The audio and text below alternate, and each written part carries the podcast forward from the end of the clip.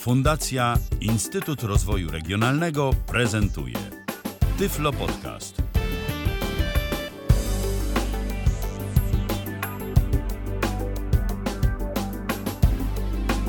Dwudziesty październik, Anno Domini 2020, czyli najwięcej chyba dwudziestek i dziesiątek w tym roku, ile to tylko może być, ale to taki mały mały off-top tak zwany, 59. audycja Tyflo Przeglądu. Dzisiaj jesteśmy prawie wszyscy. Nie ma Piotrka, nie ma Pawła Masarczyka, a oprócz tego jesteśmy wszyscy. Jest Kasia Ślipek, jest Michał Dobry Dziwisz, wieczór. Robert Dobry Łabęcki. wieczór. Dobry E, wieczór. Ktoś jeszcze? I ja, no, Michał Łajchołysz Ja i ja, czyli jestem. Tomek Bilecki jesteśmy. E, Jak zwykle można nas słuchać na Facebooku, można nas słuchać oczywiście przez, przez e, Tyflo Radio, można do nas pisać i na Facebooku, i w e, komentarzach e, w aplikacji Tyflo Podcastowej. I oczywiście na Zoomie można się z nami kontaktować, można do nas dzwonić na Zoomie tyflopodcast.net slash zoom z oomy oczywiście, no a i cóż, i chyba I jeszcze tyle. ta nasza taka magiczna stronka kontakt.tyflopodcast.net. O tym też warto pamiętać. O tym też warto pamiętać, a teraz oczywiście, jak to zwykle u nas na początku bywa, co to się dzisiaj u nas będzie działo? W tym tygodniu w Tyflo Przeglądzie Wielka Brytania pozostaje w traktacie z Marrakeszu pomimo Brexitu. Po słuchawkach i okularach przyszedł czas na Periphery, czyli inteligentne kolczyki. HBO będzie tworzyć audiodeskrypcję od marca 2021 roku. Spacery po Gdańsku online, propozycja od Stowarzyszenia De facto. Głosowanie przez telefon, ciekawy sposób na udostępnienie wyborów osobom niewidomym. The Old Net. Zdecydowanie ciekawsza nakładka na Web Archive. AX Hammer i AX Grease. Dwa ciekawe dodatki do przeglądarek internetowych. Będzie o maszynce do szybkiego obierania ziemniaków. Oznakowania brajlowskie w całej Warszawie. Jak niewidomym się żyje w polskich więzieniach? Przygody Katarzyny. Darmowe narzędzie do usuwania wokalu z piosenek. Archiwum magazynu Chip w sieci. Łoj, będzie się działo. Aleś mnie zapowiedział, Robercie. Tajemniczo strasznie. No, ale to Ale tak wiesz, to z trzeba. drugiej strony na tym też polega e, No dobrze tak, skonstruowany tak. tak zwany lead informacji. Ma zaciekawić, a jednocześnie nie zdradzać wszystkiego. Tytuł na książkę. Clickbait tak zwany. E, tak. clickbait. Ale z, najpierw zdradzimy jeszcze komentarze, zanim, y, zanim przejdziemy do audycji, bo dwa komentarze zasługują na to, żeby je mm, jakoś mm, przytoczyć. Komentarz pierwszy jest Romana. E, A propos Apple Music. Apple Music się opłaca. Czy Apple Music się opłaca? Trudno na to pytanie odpowiedzieć mm, jednoznacznie. Jeśli mamy kilka urządzeń Apple'a, telefon, Watch czy Apple TV, to jest to rozwiązanie całkiem fajne, bo możemy sobie słuchać muzyki na różnych urządzeniach.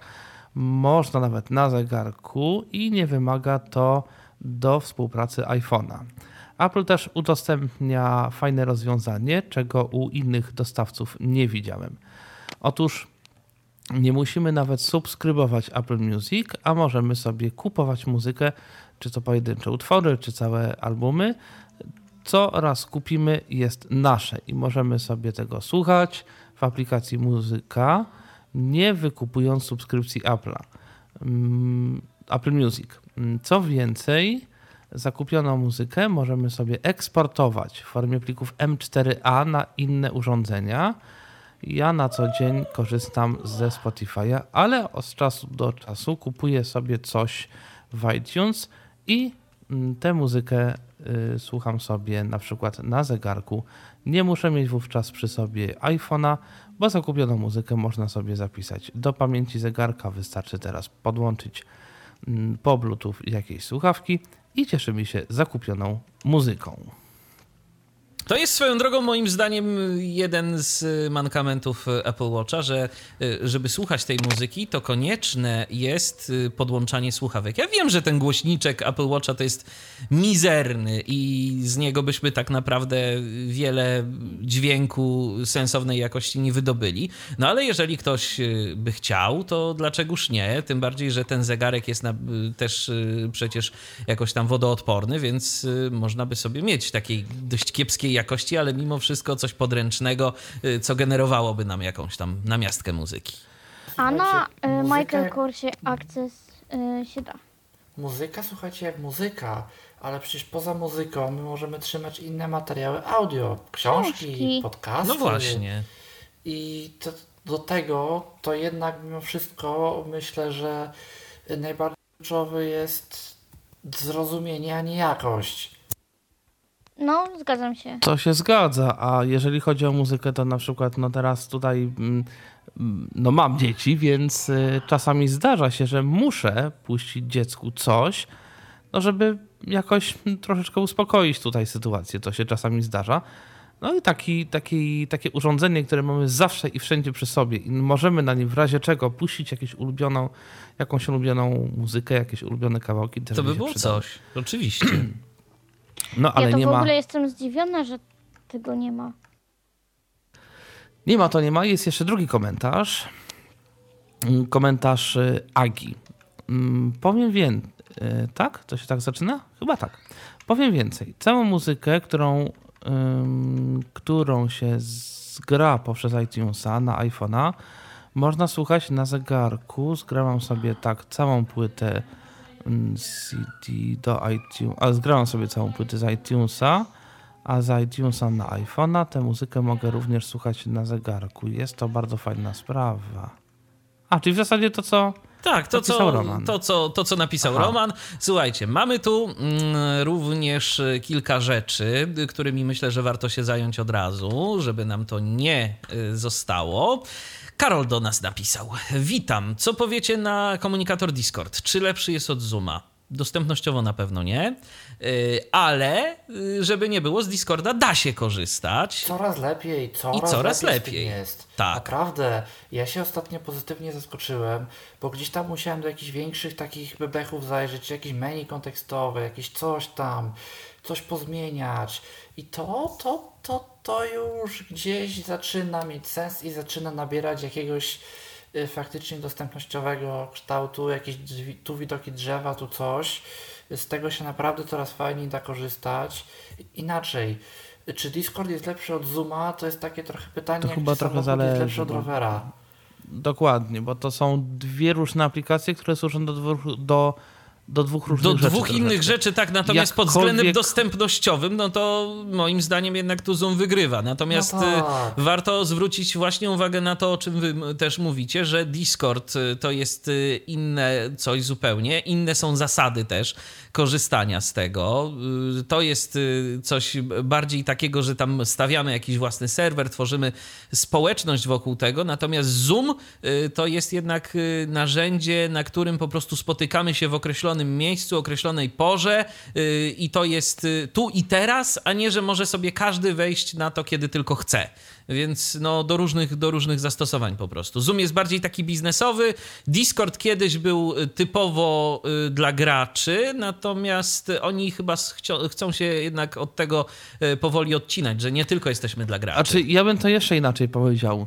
Jeżeli, no bo powiedzmy Discord też próbuje wchodzić w biznes, ale powiedzmy, jeżeli jakby ja sobie wyobrażam, że każda, znaczy każda, e, część firm może mieć i, i mm, jakieś zoomowe różne wydarzenia i, na, i discordowe i powiedzmy na Discordzie, znaczy na Zoomie może robić wewnętrzne szkolenia albo nawet jakieś, nie wiem, wsparcie, jakieś cokolwiek, natomiast na, na, właśnie, znaczy wsparcie, no jakieś, jakieś prelekcje, jakieś coś, jakieś takie typu rzeczy.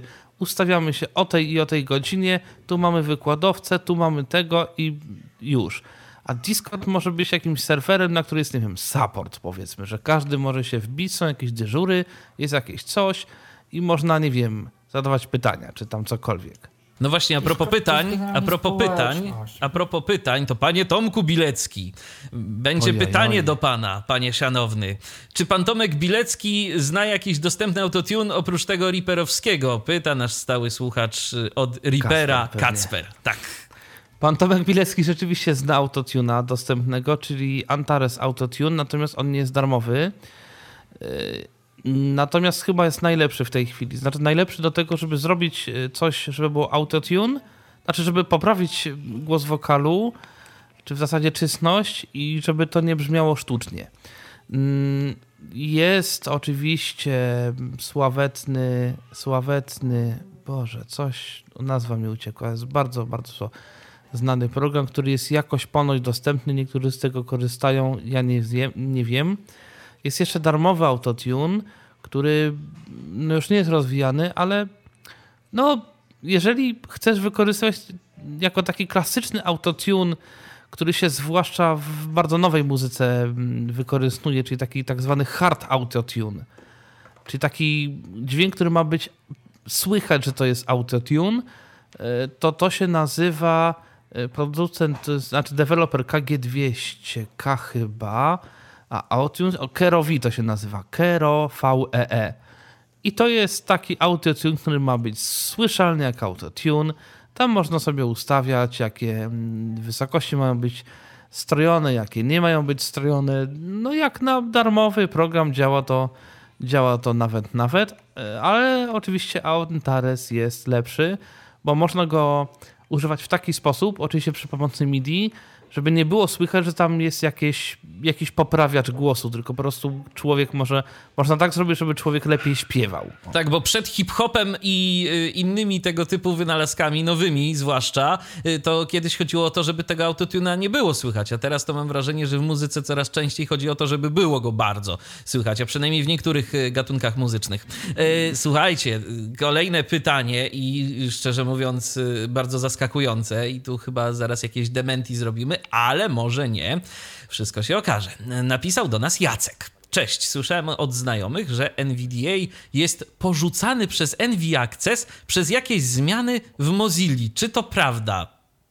To jest jakieś przekształcenie plotkowe informacji, że James Tech, y, jeden z ludzi w NV Accessie i to już rok albo i więcej temu przeszedł do Mozilli i w Mozilli teraz pracuje nad dostępnością, ale to absolutnie wcale nie znaczy, że NVDA jest porzucany, bo NV Access nadal nad nim pracuje. Ta Tylko po plotka to już prostu- jest naprawdę Tak. długa, długa i ona zatacza bardzo szerokie kręgi. Tak, tak, tak. Łącznie z y, niektórymi tyflofirmami, które publikowały tego typu Tak, informacje na swoich stronach. Bo, bo to jest oczywiście no, na rękę co niektórym rozpowszechnianie takich informacji, że albo NVDA to jest dwóch ludzi w garażu, którzy nie wiedzą co robią, im się tylko wydaje, że wiedzą, co oczywiście nie jest prawdą, albo NVDA się skończyło, bo James tak przeszedł do Mozilli, co również nie jest prawdą. Obie te informacje krążą, obie te informacje można śmiało zdementować. Swoją drogą, jeżeli ktoś by się na przykład wybierał do Australii i chciał tam zamieszkać, to tak tylko y, wspomnę, bo widziałem ostatnio znowu na Facebooku Envy Accessa, że szukają programisty. Więc gdyby ktoś tam się udawał, to, no to, to, to jest opcja, tylko trzeba y, być y, osobą, która się może jakby podatkowo rozliczać w Australii, więc podejrzewam, że tam trzeba na stałe mieszkać. Ale podobno coraz bardziej jest rozważane w NV Accessie zniesienie tego wymogu. Bo chyba nie mogą nikogo znaleźć, bo oni to ogłoszenie to już od jakiegoś dokładnie. czasu. W tej Y, Australii nie ma nikogo o takich umiejętnościach, jakich oni by szukali. I oni już się podobno zastanawiają, że a może jednak by prawnika zatrudnić i z nim pogadać, żeby jakoś to rozwiązać, żeby kogoś spoza też coś gdzieś, ale no ale na razie jest tak jak jest. Na razie jest jak jest, dokładnie. E, Na razie jest jak jest. E, Jest, są różne rzeczy, jest Brexit na przykład, ale mimo Brexitu i mimo tego, że Wielka Brytania wycofuje się z różnych rzeczy, to nie wycofuje się ze wszystkiego, między innymi z, tra- z traktatu e, z traktatu jakiego? Marrakeszu. Z Marrakeszu, Marrakeszu. o właśnie. Tak, traktat z Marrakeszu, y, który to traktat Wielka Brytania ostatnio ratyfikowała, bo on był z tego co wiem gdzieś tam podpisany, no ale żeby umowa międzynarodowa jakakolwiek weszła w życie, no to musi być ona ratyfikowana przez dany kraj i Wielka Brytania właśnie tej ratyfikacji dokonała. Co nam, Polakom, to daje?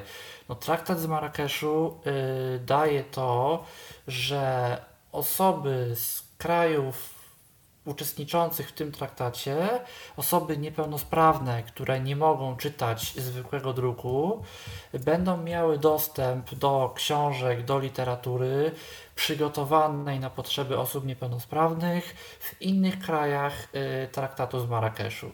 Czyli innymi słowy, jeżeli na przykład nasz polski DZDN, bo Polska w Marrakeszu się w Polska w Marrakeszu uczestniczy, jeżeli nasz polski DZDN się otworzy y, na Marrakesz, to z jednej strony Polacy, którzy chcieliby z Wielkiej Brytanii dostać jakąś książkę, bo znają angielski, a przecież tych Polaków znających angielski to trochę jest, będą mogli coś takiego zrobić będą mogli na przykład z biblioteki RNAB, podejrzewam, że jeszcze za dobrych parę lat, ale w końcu będą mogli takie książki uzyskiwać. Po drugie, Polacy, powiedzmy, zamieszkujący w Wielkiej Brytanii, bo przecież ich też mamy sporo, i mający brytyjskie papiery o tym, że są osobami niepełnosprawnymi, też będą się mogły zwrócić do brytyjskich instytucji, że oni te książki z Polski chcą. I te brytyjskie instytucje powinny im takie pozycje zapewnić i dostęp do takich pozycji zapewnić. Bo właśnie o to chodzi w traktacie z Marrakeszu, że jeżeli znamy jakiś język, mamy jakiś kraj, to my możemy z tego kraju coś uzyskać.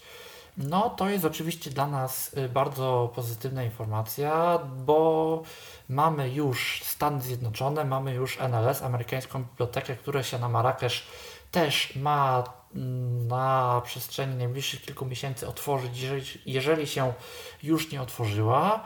Y, Mamy Kanadę bodajże, Australię chyba też. No i teraz Wielka Brytania dołącza do zaszczytnego grona państw, które się też otwierają na ten rynek, więc jeżeli ktoś zna język angielski, bądź tak naprawdę jakikolwiek inny język, to warto, żeby się gdzieś z naszą polską biblioteką, działem zbiorów dla niewidomych skontaktować, czy z danym krajem, w którym no, dany język obowiązuje, który by nas interesował, nie dałoby się nawiązać jakiejś współpracy, czy coś może by można było załatwić, może wspomnieć jakieś konkretne tytuły, których my byśmy potrzebowali i no, jest jakaś szansa, że coś dostaniemy. Mamy w międzyczasie kolejne pytanie. Pytanie od Jacka. E, Jacek y, napisał y, do nas w sprawie dostępnych języków programowania. I to, Mikołaju, pytanie chyba dla ciebie mm, i do ciebie kierowane. Y, Jakie dla nas są najbardziej dostępne języki programowania? Znaczy się tak. Języki są tak naprawdę dostępne, może nie wszystkie, ale znaczna ich większość.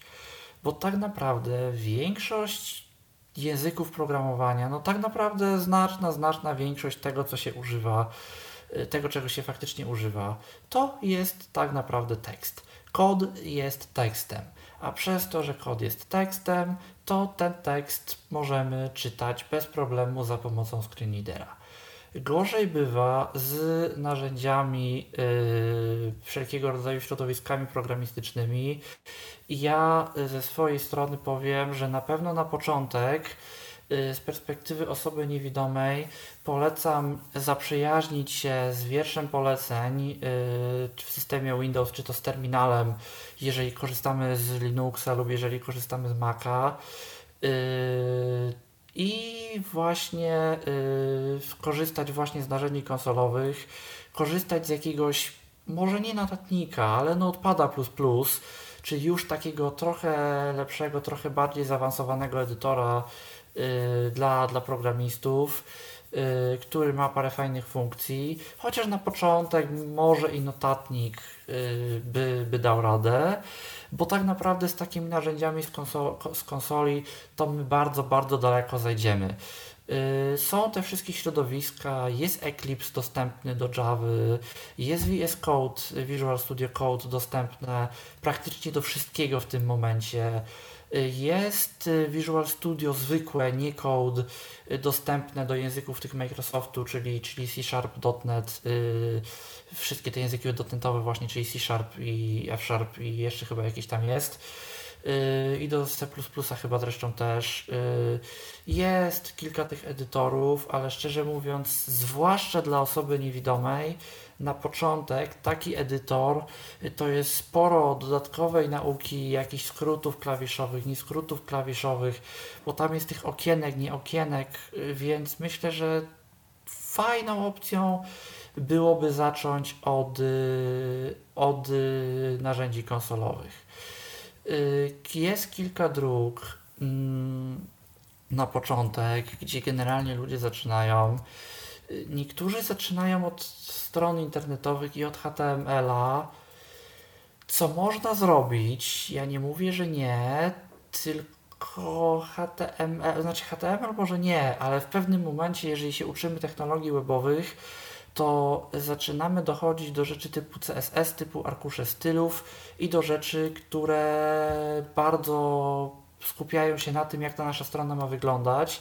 I po prostu no, tego się musimy wystrzegać, że y, no, my jako osoby niewidome nie mamy nad tym pełnej kontroli. I jeżeli będziemy. Możemy wiedzieć jako- tak jakby coś Dokładnie. mniej więcej, gdzie co Tak. umieścić, ale i Dokładnie. tak y, tak naprawdę y, w kwestii Lepiej takiego stworzenia sprawdzić. interfejsu to konieczna Tak. będzie pomoc osoby widzącej. Dokładnie. Jeżeli osoba niewidoma pracuje jako programista, jest takich osób sporo i jest to oczywiście jak najbardziej możliwe. Ja uważam, że jest to jeden z w tym momencie najbardziej dostępnych zawodów dla osoby niewidomej. Jest to zawód dobrze płatny i dobrze dostępny. Y, To najczęściej, jeżeli właśnie w tym zawodzie pracujemy, to fajnie by było pracować bardziej na tak zwanym backendzie, czyli wszelkiego rodzaju rzeczach związanych z tym, co się dzieje po stronie serwera, że tak powiem, bebechach, środku naszego systemu, a niekoniecznie yy, tym tak zwanym frontendzie, czyli tej części wizualnej, interfejsowej. Yy, a nawet jeżeli jakkolwiek się zajmujemy interfejsem, no to potrzebujemy y, osoby widzącej, która nam trochę pomoże przy tej warstwie wizualnej. Rzeczy typu, nie wiem, walidacja, tam sprawdzenie danych, poprawności i tak dalej, to oczywiście my możemy robić, a po prostu osoba widząca no, musi się zajmować tą, tą warstwą wizualną. Co do języków programowania, jest Python. I Python jest, ja uważam, że dla osoby niewidomej językiem dość fajnym, y, bo on jest właśnie językiem y, wykorzystywanym bardzo często w backendzie. Yy, I on ma bardzo dużo dokumentacji dla osób początkujących, bo też wśród osób widzących bardzo często jest polecany na początek. Tylko, że Python ma jedną wadę, która może osoby niewidome na początek odstraszać. On bazuje na tak zwanych wcięciach, bo w większości innych języków programowania, jeżeli mamy jakąś, jakiś zbiór, powiedzmy, czynności, które nasz program ma wykonać, czyli nie wiem, w, w wypadku, gdy coś tam, coś tam jest włączone, to zrób. I tu mamy zbiór 10 czynności, których nasz program, które nasz program ma wykonać. To jest to zamykane w odpowiednich znakach, najczęściej są to nawiasy klamrowe. I my oczywiście jako użytkownicy screenreadera są, jesteśmy w stanie te napisy, te nawiasy klamrowe przeczytać. I wiemy, gdzie to się kończy, gdzie to się zaczyna i co należy do czego. W Pythonie mamy wcięcia, czyli jeżeli coś tam jest włączone, następna linia. Od czterech spacji zrób to, następna linia. Od czterech spacji zrób tamto. I to od czterech spacji oznacza wszystko, co jest od czterech spacji, należy do tego. To jest jakby grupowanie, to jest wewnątrz czegoś tam. Po czym mamy 10 takich linijek od czterech spacji, po czym 11 linijka już jest od początku, czyli no wyszliśmy poza to wcięcie, wcięcie się skończyło, to już nie jeżeli coś się stało, tylko zawsze. I to może być, to jest oczywiście bardzo ładne y, wizualnie, i, ale to może być y, dla osoby niewidomej trochę problem, szczerze mówiąc, zwłaszcza na początek, bo oczywiście potem da się, da się z tym żyć, bez problemu da się z tym żyć, ale jeżeli ktoś się zaczyna uczyć, to może być trochę skonfundowany i taki zastanawiający się, co to tak naprawdę y, do czego należy. Y, Ja ze swojej strony mogę powiedzieć tylko tyle, że należy sobie bezwzględnie włączyć w NVDA, czy to w jakimkolwiek innym screenreaderze, oznajmianie wcięć albo dźwiękiem, albo mową, żebyśmy my w ogóle mieli jakąkolwiek y, od screenreadera informację, że w tym momencie się wcięcie zaczyna, w tym momencie się wcięcie kończy. Ostatnią opcją, yy, znaczy oczywiście nie ostatnią, bo tych opcji jest ileś, ale jedną z takich opcji, które są też wykorzystywane na początku, jest C. I ja nie wiem, czy mimo wszystko nie polecić tego jako pierwszy język, z tego prostego powodu, że on chyba będzie mimo wszystko najdostępniejszy. Bo jeżeli się uczymy C yy, na początek, to najczęściej piszemy programy, które się uruchamiają w konsoli, czyli one będą dla nas bardzo dostępne. Yy, Nie mamy za bardzo do czynienia z interfejsami wizualnymi, które też nie będą dla nas za bardzo dostępne.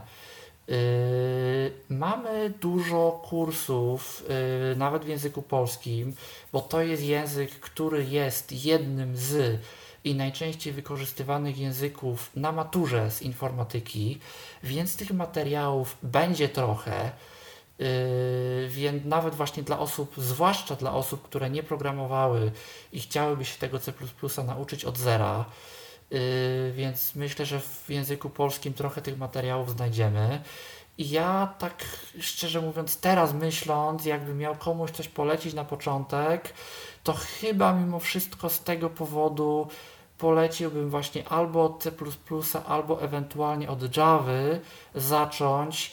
Y, Z tego to właśnie powodu, że y, do tego będzie sporo materiałów i to są języki dostępne, bo tam nie ma aż takiego znaczenia, czy robimy te wcięcia, przynajmniej na początku, bo ten język programowania jakby nie zwraca na to uwagi. Mm, Ważne są właśnie te nawiasy klamrowe, które nam screenreader bez problemu przeczyta. Y, Nie ma zabawy w jakieś układanie wizualne rzeczy na ekranie i myślę, że to z perspektywy dostępności będzie chyba najlepsza opcja.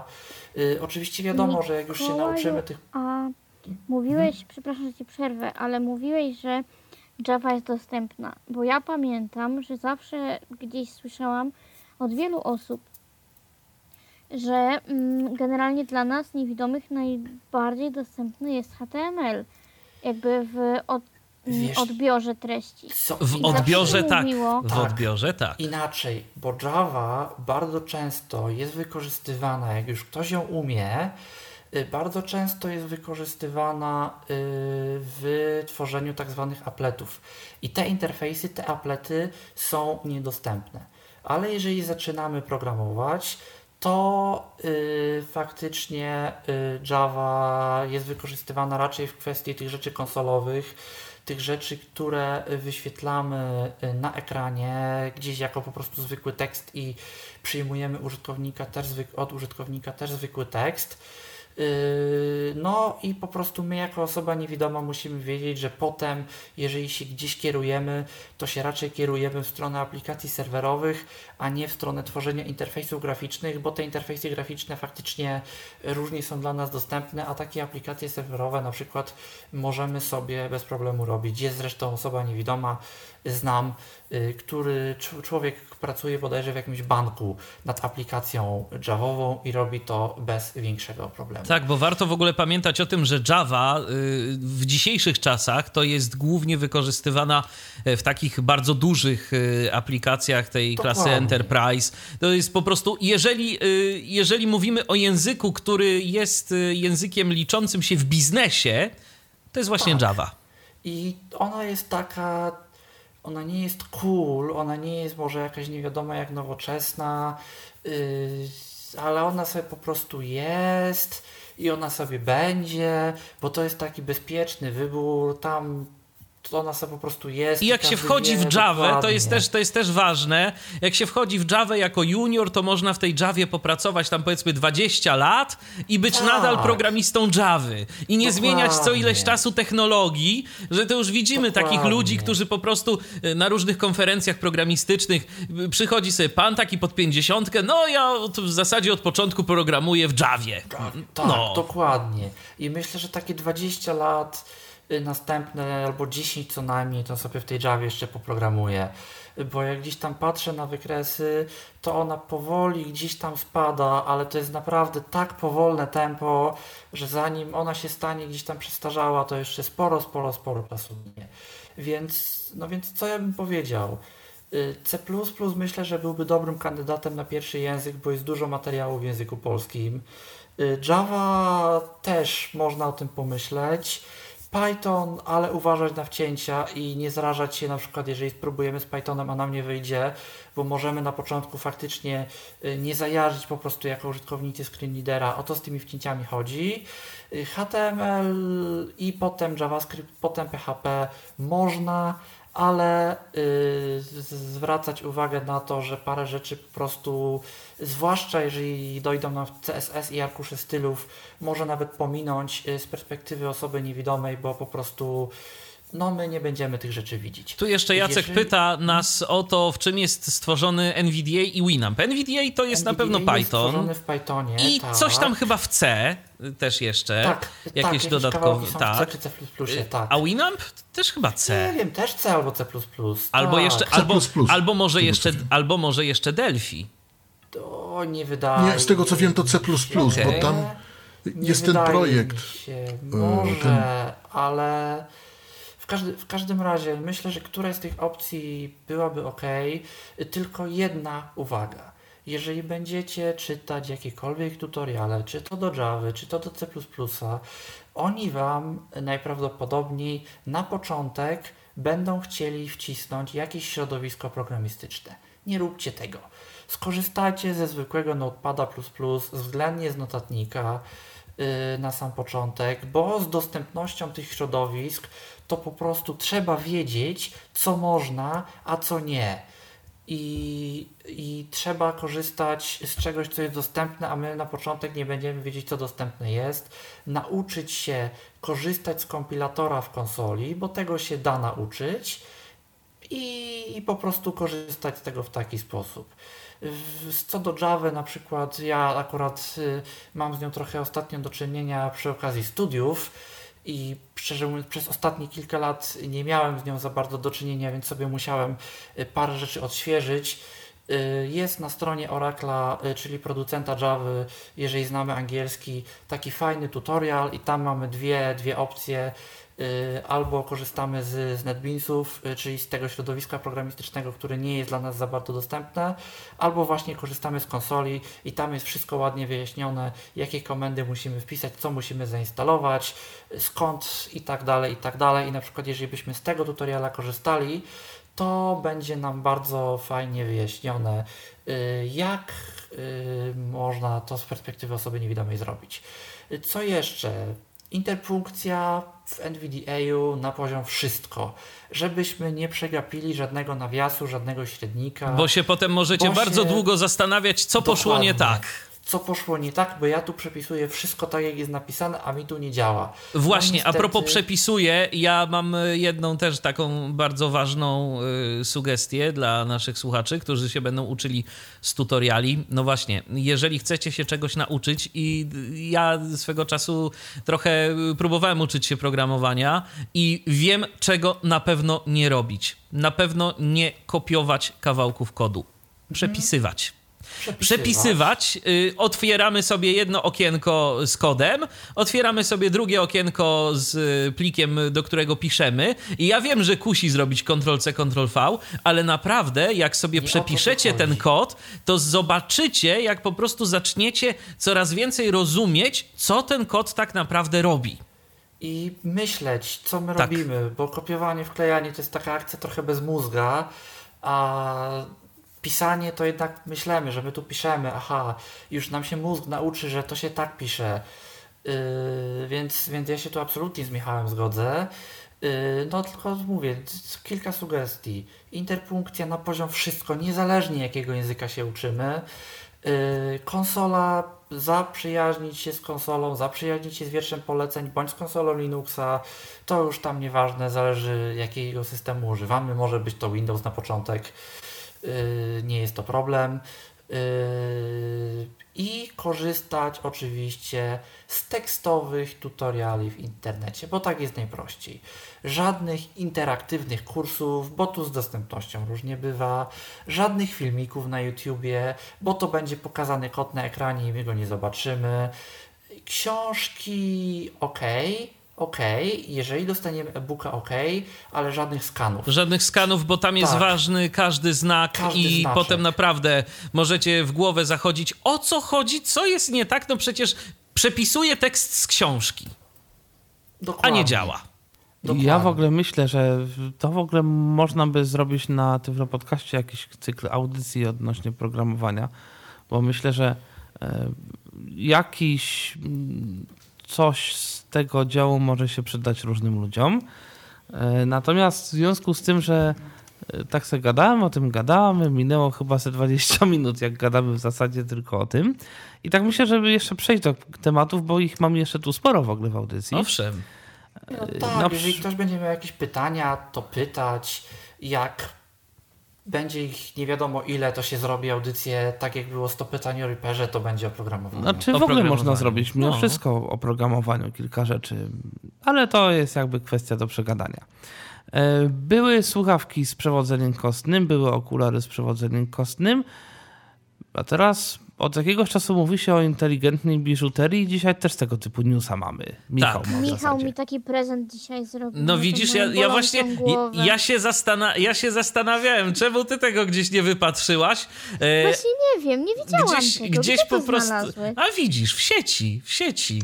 A, E, to jest zbyt ogólne. Natomiast y, przechodząc do rzeczy, przechodząc do rzeczy, to słuchajcie, to, to właśnie przede wszystkim myślę informacja do naszych słuchaczek, chociaż w- obecnie no to też i panowie od czasu do czasu mm, się kolczykują w różnych miejscach, więc może akurat, y, jeżeli ktoś miałby ochotę, bo właśnie inteligentne kolczyki. Co prawda nie wiem, jakie to są kolczyki. Czy to są te takie kolczyki, gdzie to trzeba sobie uszy przekuć, czy to są y, po prostu klipsy. W każdym razie są inteligentne. No i y, przez tę swoją inteligencję, cóż my tu możemy rozumieć? Ano to, że możemy za pomocą tych kolczyków rozmawiać, obsługują rozmowy głosowe, łącząc się ze smartfonem, tak jak słuchawki Bluetooth, bo to oczywiście na łączności bezprzewodowej wszystko polega. Oprócz tego obsługują też y, asystentów głosowych, więc y, czy asystenta Google, czy Siri również y, są dostępne. Jakoś tam można też tymi kolczykami sterować naszym smartfonem, pewnie właśnie dotykając w odpowiednie miejsca i wywołując asystenta głosowego. I teraz dobra y, wiadomość jest taka, że y, to wszystko, ta cała inteligencja y, drzemie tak naprawdę w wymiennym module. No bo mm, ktoś mógłby powiedzieć, no dobrze, no to sobie kupię jedne takie kolczyki, ale jak więcej ich sobie kupię, no to straszne pieniądze wydam. Y, No bo trzeba będzie kupić ileś tam tych inteligentnych kolczyków na różne okazje. Otóż nie.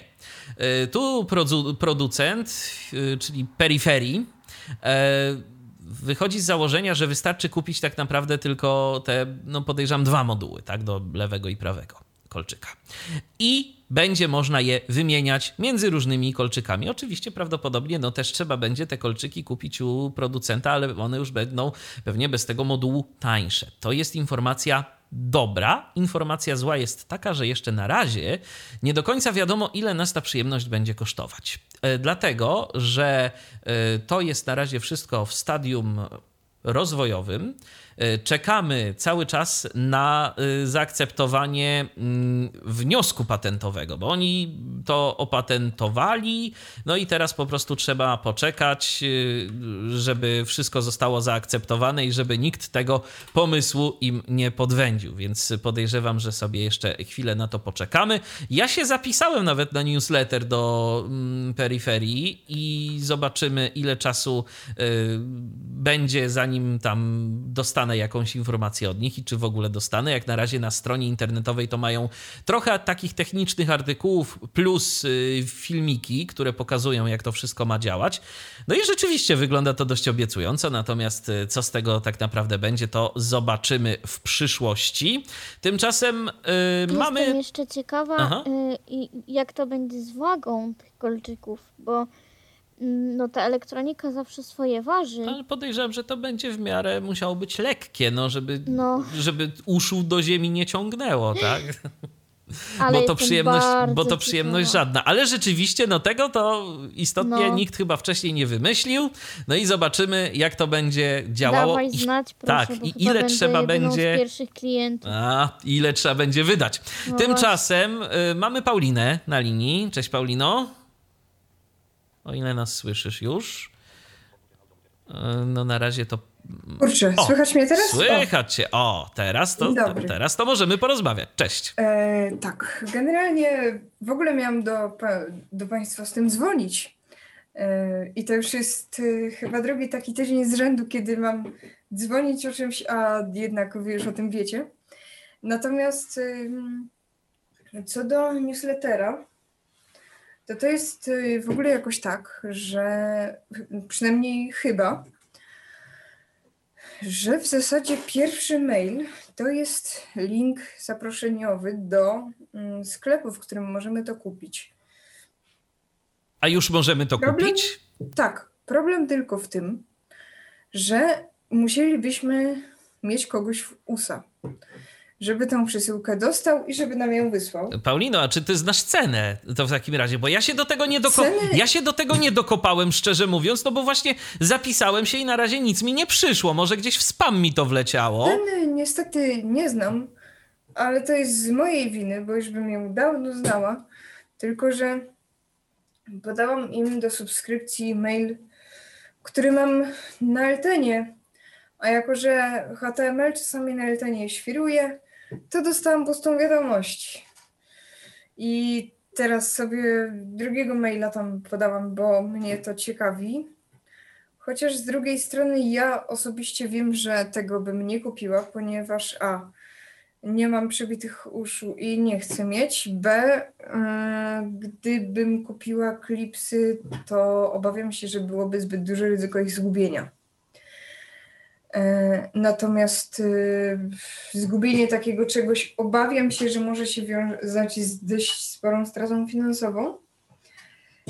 A już zupełnie poza wszystkim, Mm, Mam wrażenie, że do nawigacji może by to było spoko, ale, yy, ale byłaby z tego duża bitka, bo ja nie sądzę, że to jest jakieś przewodzenie kostne czy cokolwiek, tylko to jest zwyczajnie no taki głośniczek, nie? Zapewne no, tak, no bo tam się przy uchu to za bardzo nie ma o co, za, o co zaczepić, tak? No jeżeli to jest yy, No przy małżowinie.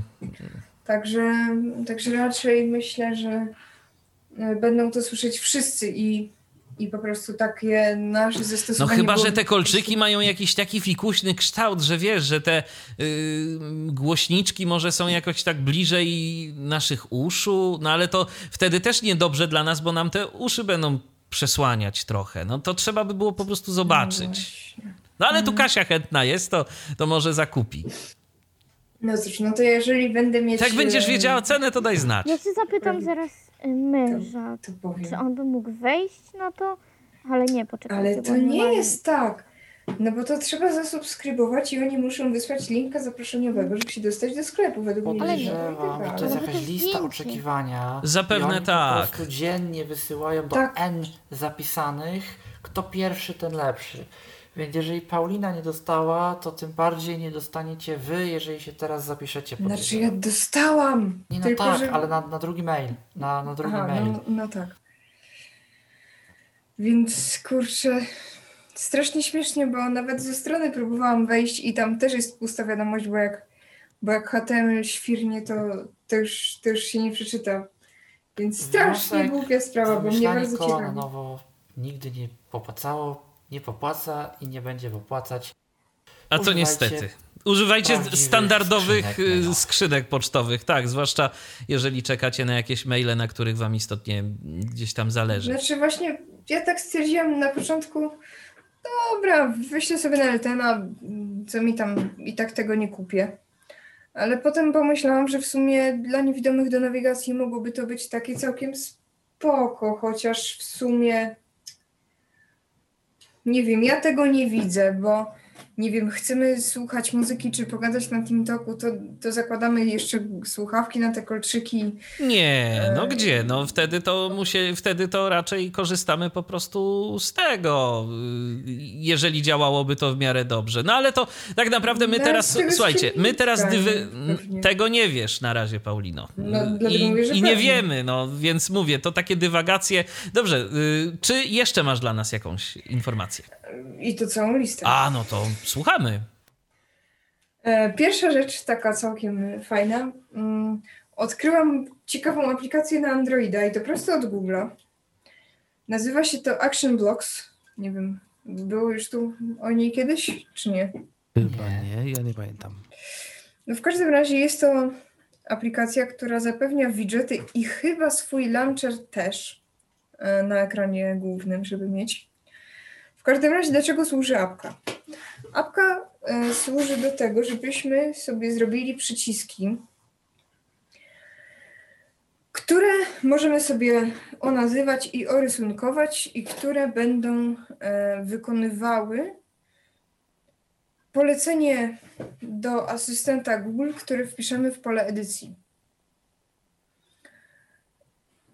E, Google to zrobił pod y, kątem osób, e, które mają wyzwania dotyczące jakiejś niesprawności intelektualnej albo jakiejś motorycznej albo innej dziwnej.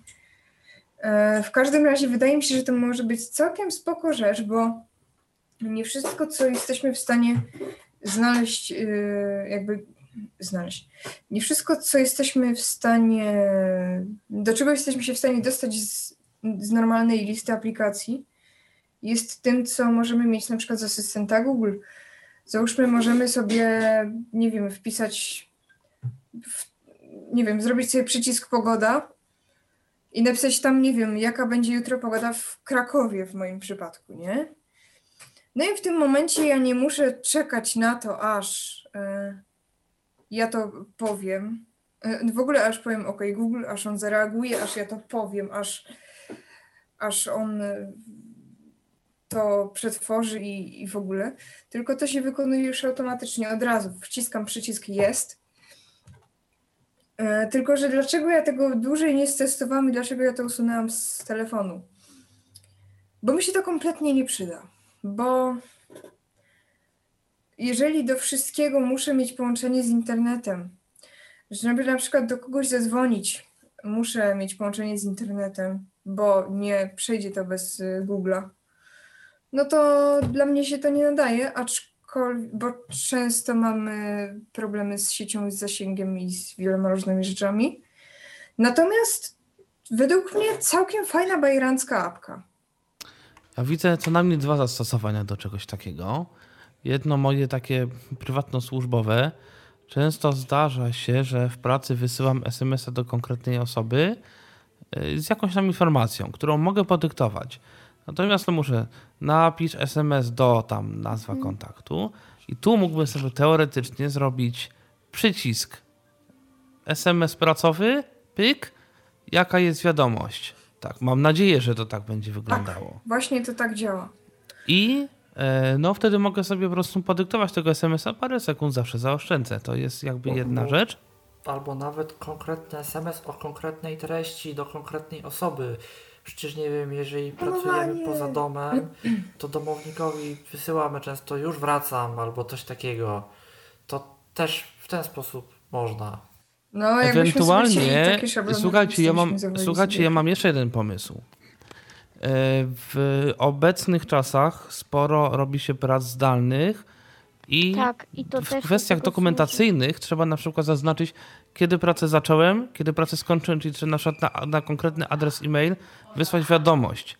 Czyli na przykład można napisać, napisz wiadomość do o treści właśnie zacząłem pracę.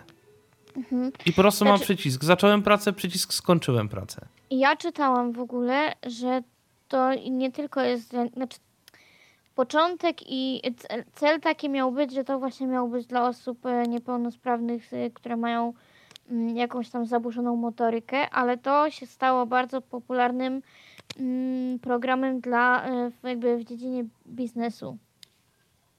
Dlatego, że O. jak mamy jakieś konferencje albo pracujemy nad czymś, to właśnie i wiecie, i nie każdy chce słyszeć OK, Google i, i tego tam asystenta, który coś tam nam gada, tylko właśnie wyświetla.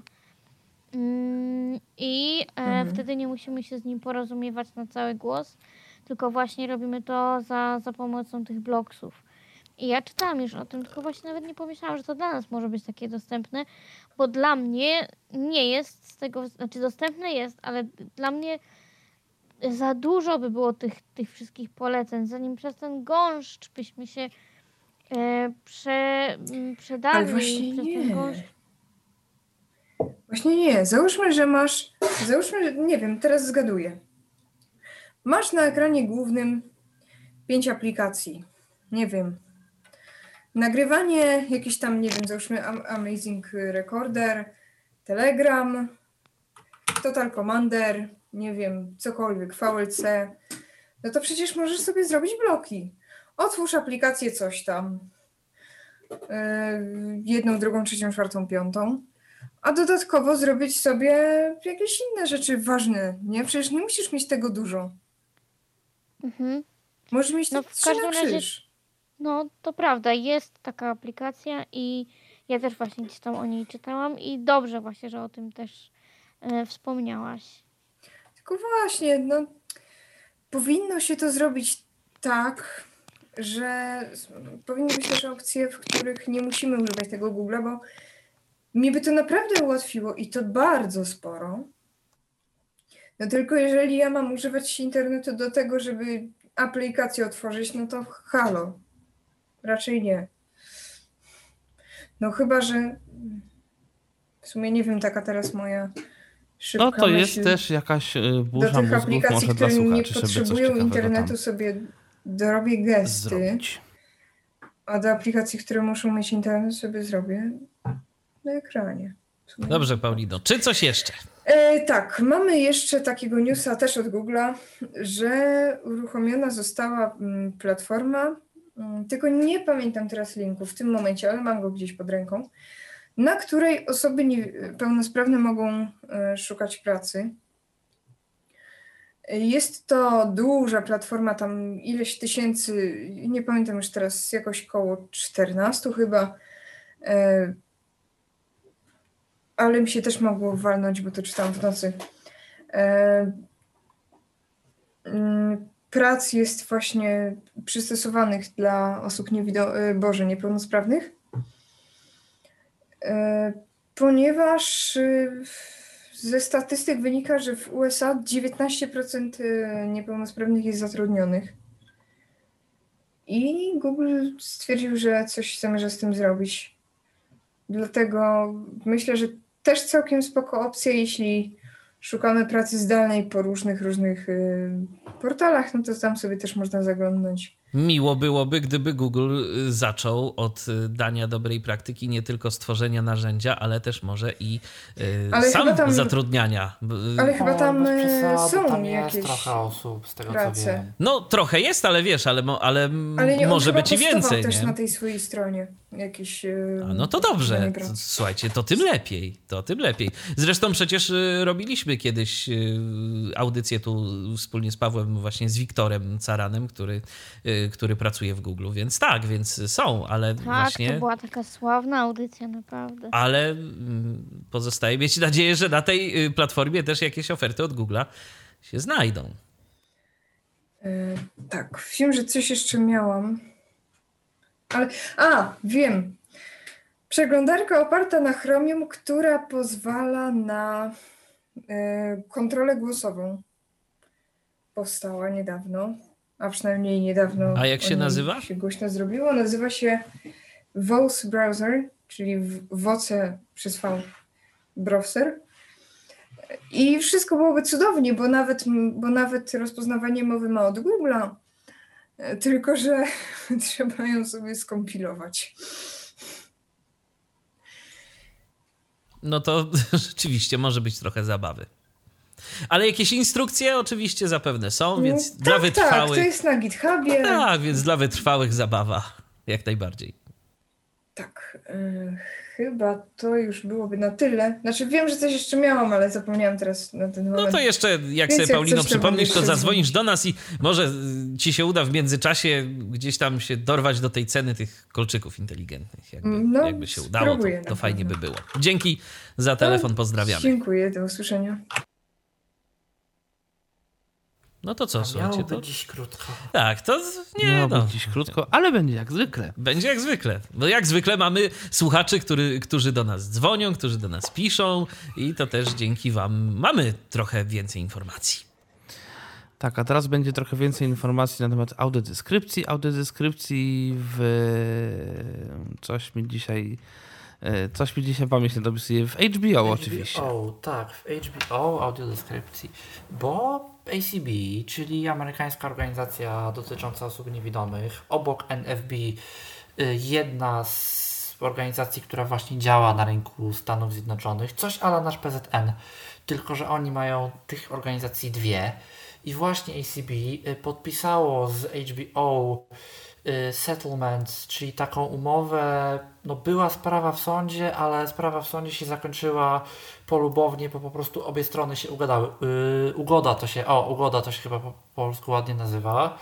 O tym, że HBO zacznie te audiodeskrypcje wprowadzać. Yy, nie wiadomo do końca do czego, ale no ma się pojawiać. Ma się pojawiać y, do marca 2021 HBO się zobowiązało, że, że no zostanie ona jakoś wprowadzona, a do sierpnia 2021 zobowiązało się no, działającej na tamtym rynku aplikacji, czyli w aplikacji HBO Max, y, te audiodeskrypcje y, wprowadzić pod kątem dostępności po prostu tej apki, tego jak to tam będzie do wyboru, żeby ścieżkę można było ustawić z screen readerem i tak dalej, i tak dalej. I teraz tak, nie wiemy jak będzie z dostępem tej audiodeskrypcji w Polsce. Bo w Polsce mamy platformę HBO, mamy platformę HBO Go dokładnie. I teraz nie wiemy, czy HBO, wychodząc z założenia, że skoro już mamy, to czemu by nie dać, postąpi tak jak Netflix i te audiodeskrypcje zwyczajnie w świecie dostaną wszyscy od razu. Czy HBO wyjdzie z założenia, no w Ameryce podpisaliśmy, to w Ameryce będzie i po prostu my, Polacy, jej nie dostaniemy. Jest oczywiście AudioVault, audiovault.net, serwis dość dyskusyjny i myślę, że gdzie byśmy nie byli, to jakiego prawnika byśmy nie zapytali, to każdy wydaje inną opinię na temat jego legalności, bo jedni powiedzą, że audiodeskrypcja, że treści przystosowane dla osób niewidomych, że można i że w ogóle wszystko super, a drudzy, powiedzi- drudzy powiedzą, że to okej, że treści dla osób niewidomych, ale nie ma weryfikacji, że to są osoby niewidome i że jednak nie. No i to jest wiecznie tocząca się dyskusja, na którą do tej pory nie znamy odpowiedzi. W każdym razie serwis jest, tam się raczej y, takie rzeczy będą pojawiać, bo tam się audiodeskrypcja, jeżeli jakaś do jakiegoś filmu w języku angielskim powstaje, bo to oczywiście będzie audiodeskrypcja w języku angielskim, to się na tym serwisie raczej pojawi. Oczywiście, no, żeby ten serwis działał pod jakimś chociaż powiedzmy, że półlegalnością, to jest to tylko i wyłącznie wersja MP3. Nie ma tam żadnego obrazu, czyli jeżeli sobie chcemy oglądać widzącym, to możemy o tym zapomnieć.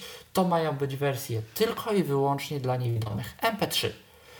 Y, No, ale plus taki, że chociaż w jakiś sposób może, może coś do nas dotrze i może ta audiodeskrypcja jakoś będzie, bo no HBO było tak naprawdę do tej pory chyba największym takim studiem czy wytwórnią filmową, która po prostu tej audiodeskrypcji nie robiła. Bo no cała reszta, nie ukrywajmy, robi. Czy my możemy się do tego poza audiovoltem dostać? To jest inna sprawa, ale robi. A HBO to była jedyna nie robiąca y, audiodeskrypcji firma. Czasami coś Brytyjczycy, bo w Wielkiej Brytanii nie ma HBO i tam e, Sky, firma Sky e, przejmuje te deskrypcje i czasami coś Brytyjczycy zrobili i czasami my też w ten czy inny sposób mieliśmy do tego dostęp, ale teraz będzie to oficjalne i w ten czy inny sposób to do Polski dotrze. A no, co do serwisu AudioVolt, to się powinien wypowiedzieć jakiś prawnik.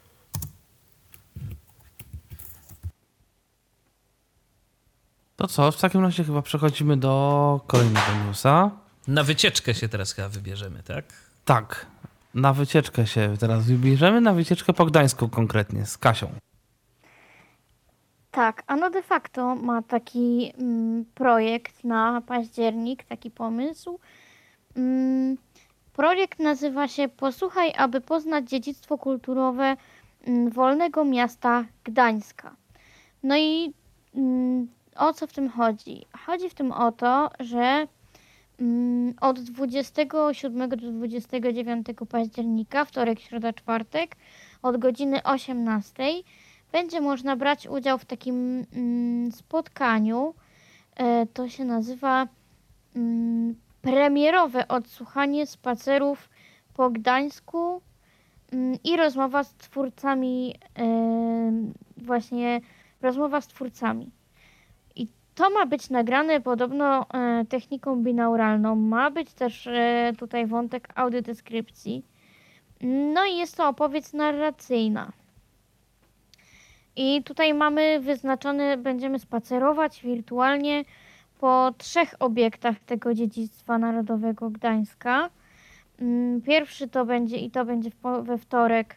Ja jeszcze powiem o wszystkim, mm, o kiedy co się będzie odbywało, ale możemy poznać katedrę oliwską e, jako przykład zabytku e, z wieloma warstwami historii. Drugą taką, y, takim mm, obiektem do zwiedzania jest Westerplat- Westerplatte jako mm, miejsca pamięci narodowej, a trzecia to jest taka mm, twierdza Wisłoujścia jako nietypowego oddziału Muzeum Narodowego i strategicznego miejsca dla Gdańska. No i to są takie trzy y, obiekty do zwiedzenia. Każdy z nich będzie w innym, y, w innym dniu. Wszystko będzie się odbywało oczywiście online na platformie BBB y, Big Blue Button. I tutaj teraz tak, harmonogram. 20 7 mm, października, to jest wtorek, od 18 mm, będzie właśnie mm, będziemy, będziemy mogli tutaj e, sobie zwiedzić tą katedrę. Zespół pocystersko-katedralny e, z fragmentami koncertu organowego w katedrze Oli e, Oliwskiej. No i tutaj właśnie oprócz tego koncertu organowego będzie pewnie taka mm, wątek narracyjny, taka opowieść o tej katedrze. Czas trwania no to są dwie godziny. W każdym dniu będą właśnie te dwie godzinki od 18 do 20, także to nie trwa długo, a rzeczywiście można się czegoś ciekawego dowiedzieć. Mm, W środę, również od 18, mm, tutaj będziemy mogli sobie zwiedzić właśnie Westerplatte. Ciekawa jestem, bo tego nie wiem, czy można się zapisać na, tylko na jeden dzień. Powiedzmy, jeżeli nas interesuje tylko ta katedra, no to wtedy wpadamy mm, tylko, żeby posłuchać o tej katedrze, a jeżeli, nie wiem, Westerplatte czy ta twierdza, no to wtedy jakby wchodzimy sobie online tylko w ten konkretny dzień. Ale tego nie jestem w stanie powiedzieć, to jak już będziemy się rejestrować, a o tym później, to warto też zapytać, czy jest taka możliwość. E, Wracając do Westerplatte, miejsce pamięci narodowej z gościnnym udziałem Wojciechem e, Minczykowem. Mm, No i tutaj też są dwie godziny, tak jak w, zresztą tak jak e, w trzech przypadkach. Mm. I ostatni dzień to jest czwartek. E, Twierdza Wis- Wi- Wisłoujście, miejsce strategiczne dla Gdańska. No i tutaj e, też mamy dwie godzinki. Teraz jak się zarejestrować na, te, na, to, na ten projekt, na te spotkania? To teraz jest podzielone tak. Jeżeli jesteśmy osobami e, zainteresowanymi, które już mają swoje konto na platformie BBB, mm, to Czyli Big Blue napisać Button. tak, to mówiłam. Mhm. To e, tutaj e, na maila, mm, tutaj podam adres, ale on też będzie, mm, myślę, myślę, że możesz podać Michale, no nie? Taki link do Tak, adresu. oczywiście, jeżeli jest gdzieś tam y, w naszych notatkach, to, to go podam. Jest, A ja jeszcze, ja jeszcze dodam, że te osoby, Mhm. które mają te konta na tej platformie, to będą zapewne te osoby, które ostatnio uczestniczyły w y, tym festiwalu filmowym organizowanym Tak. przez De facto. Myślę, że tak. Chyba, że ktoś na przykład miał mm, po prostu do czynienia wcześniej z tą platformą, chyba, że to muszą być konta typowo de, de facto. E, nie wiem, na czym oni to mieli, Mhm. natomiast Big Blue Button to jest y, open source i można go sobie postawić na własnym serwerze, więc jeżeli tak było, no to... I on jest bardzo dostępny. Tak, też, więc to jest prawda. Ktoś y, pyta o taką platformę, bo właśnie bardzo często jest tak, że jakieś instytucje w trosce o dane osobowe nie za bardzo chcą korzystać z Zooma bo, albo z Teamsów, albo z czegoś takiego, to najczęściej pierwszym wyborem jest Jitsi. A Jitsi no, nie słynie z dostępności. Więc Zwłaszcza aplikacje mobilne, niestety. Ta strona też nie jest najlepsza. Strona już jest trochę, strona A, już jest trochę okej, lepsza. Chyba, poprawili, chyba, Y, Wiesz co, to poprawili, znaczy okej. oni tam cały czas coś robią, natomiast, y, natomiast y, no, nawet jakieś elementy ARI są tam zaimplementowane, jakoś to działa, natomiast no, strona, natomiast aplikacja mobilna, przynajmniej na iOS pozostawia moim zdaniem sporo do życzenia. No ale jest Big Blue Button, który warto zasugerować, bo wiem, że Big Blue Button od początku jednym z ich głównych takich celów była właśnie dostępność, bo to jest platforma, która gdzieś tam w edukacji działa i oni bardzo Tak, właśnie, są. Tak. E, To na jest to- platforma do e-learningu. Tak, głównie I w ona edukacji. jest powiązana z Moodlami, jeżeli ktoś jest studentem i, i, mm, i właśnie korzysta z, y, z Moodla, mm, no to ona podobno też sobie dosyć dobrze radzi i ona się jakoś tam w miarę fajnie z tym integruje. Wracając do e, maila, mm, bo żeby się zarejestrować, no to mm, jakby trzeba napisać maila do stowarzyszenia. De facto org małpawp.pl y, ale to mówię jeszcze link będzie do tego maila. I teraz tak w temacie mm, y, trzeba wpisać spacery po Gdańsku tylko że w cudzysłowie. Tak cudzysłów spacery po, po Gdańsku i zamykamy. Pewnie żeby oni tam wiedzieli że to dokładnie o to chodzi. Mm, i teraz w treści, jeżeli właśnie już je, mamy to konto na mm, BBB, to wystarczy wpisać tylko imię i nazwisko i to tyle. Natomiast jeżeli ktoś nie jest zarejestrowany, no to jakby pierwsze dwa kroki wyglą- wy- wyglądają tak samo. Ten sam adres y, mailowy, ten sam temat, czyli spacery po Gdańsku, mm, objęte cudzysłowem. I w treści oprócz imienia i nazwiska jeszcze trzeba wpisać mail i telefon swój. W treści E, i- maila wpisuje się adres mailowy, jakby go nie było w No, Po- ale no od. widzisz. No, to też dosyć osobliwe. Ale to jest, słuchajcie, de facto. Ja mam z de facto, szczerze mówiąc, bardzo nieprzyjemne doświadczenia. Y, Bo tak, po pierwsze, miałem kiedyś ochotę zajrzeć sobie do kiosku i zapomniałem hasła. No to jak każdy przykładny obywatel, klikam w pole, zapomniałem hasła. Podaj tam chyba maila i coś tam jeszcze. No to proszę bardzo, podaję odezwiemy się w ciągu, odezwiemy się do Ciebie w ciągu kilku dni. No już mi się jakaś czerwona lampka zapaliła. Po czym, bo to był chyba piątek wieczór, wiadomo, po weekendzie, ktoś się odzywa. Mail z adresu biuro małpa de facto, czyli z no, głównego takiego adresu, z którego wysyłają ludzie maile. Tutaj jest pana nowe hasło 1, 2, 3, 4, 5, 6. Wiadomość sprawdzona za pomocą programu Avast i cała stopka darmowego antywirusa. Co jest oczywiście absolutnie okropną praktyką, tak się rzeczy nie robi, tak się bezpieczeństwa nie projektuje, bo powinno to działać tak, że po prostu system automatycznie generuje, jeżeli nie hasło, to linka do zmiany Link hasła. do zmiany hasła, tak. Tak. Ja podejrzewam, że po prostu, że to, jest, że to jest efekt tego, y, no, że system został napisany kiedyś, jakieś założenia zostały poczynione, no i de facto, jeżeli ma jakieś środki, to jest niestety no, nasza y, tak, Mentalność projektowa. mentalność projektowa, tak, i to, je, i to dotyczy wielu różnych działań, że po prostu jeżeli mamy jakieś środki, a dobrze, że de facto ma te środki i że dalej ta prasa jest nam e, dostarczana, e, no to niekoniecznie już są środki na rozwój tego systemu. I co kiedykolwiek było zrobione, no to potem możemy odczuwać tego dalej skutki.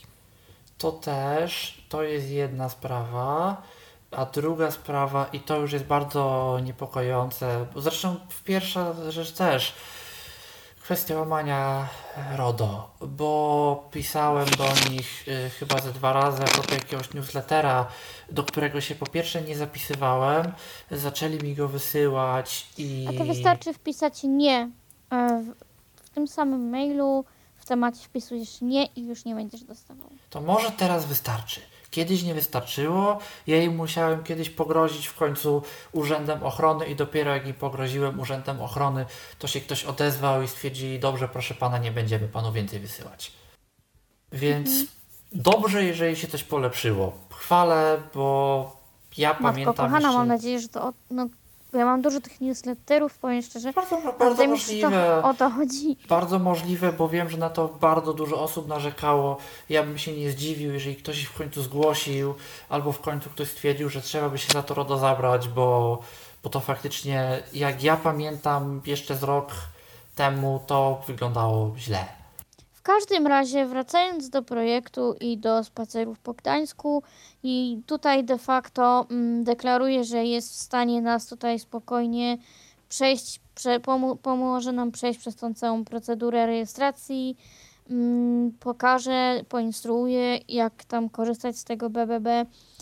Mm, ja myślę, że mimo wszystko bardzo fajna jest ta inicjatywa.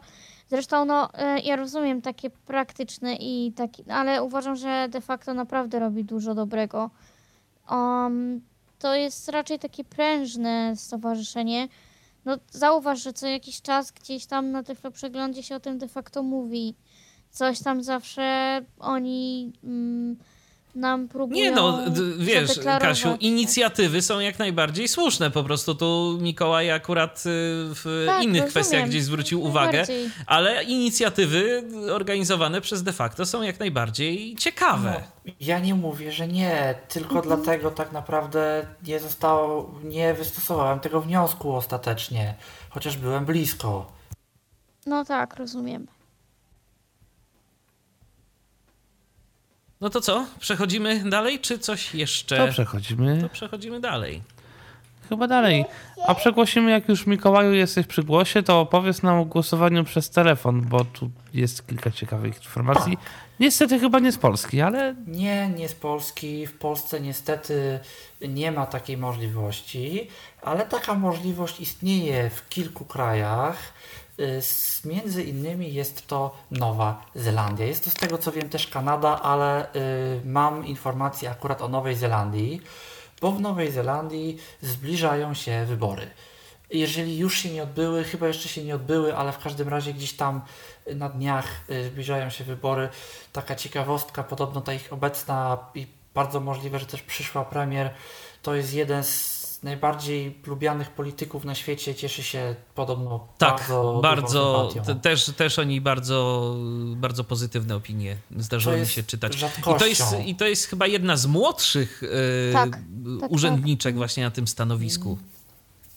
No, w każdym razie wiem, jak wygląda procedura, bo oczywiście głosowanie przez telefon y, to jest ich sposób na przystosowanie głosowania dla osób niewidomych. Jeżeli nie wiem, czy jedyny sposób, ale na pewno jeden ze sposobów. Jak dla mnie sposób całkiem fajny. O co chodzi? Jeżeli chcemy w Nowej Zelandii jako osoby niewidome głosować w taki właśnie sposób, mamy termin, w którym odbywa się odpowiednia rejestracja. Dzwonimy, podajemy jakieś tam nasze dane osobowe, wiadomo, i teraz dostajemy nasz numer, powiedzmy karty do głosowania, czy jakiś numer na powiedzmy liście wyborczej i ustalamy pytanie zabezpieczające. Czyli no wiadomo, jak przy rejestracji w jakimkolwiek serwisie, jakie jest imię Twojego zwierzęcia, jakie jest imię Twojego pierwszego chłopaka, dziewczyny i inne takie.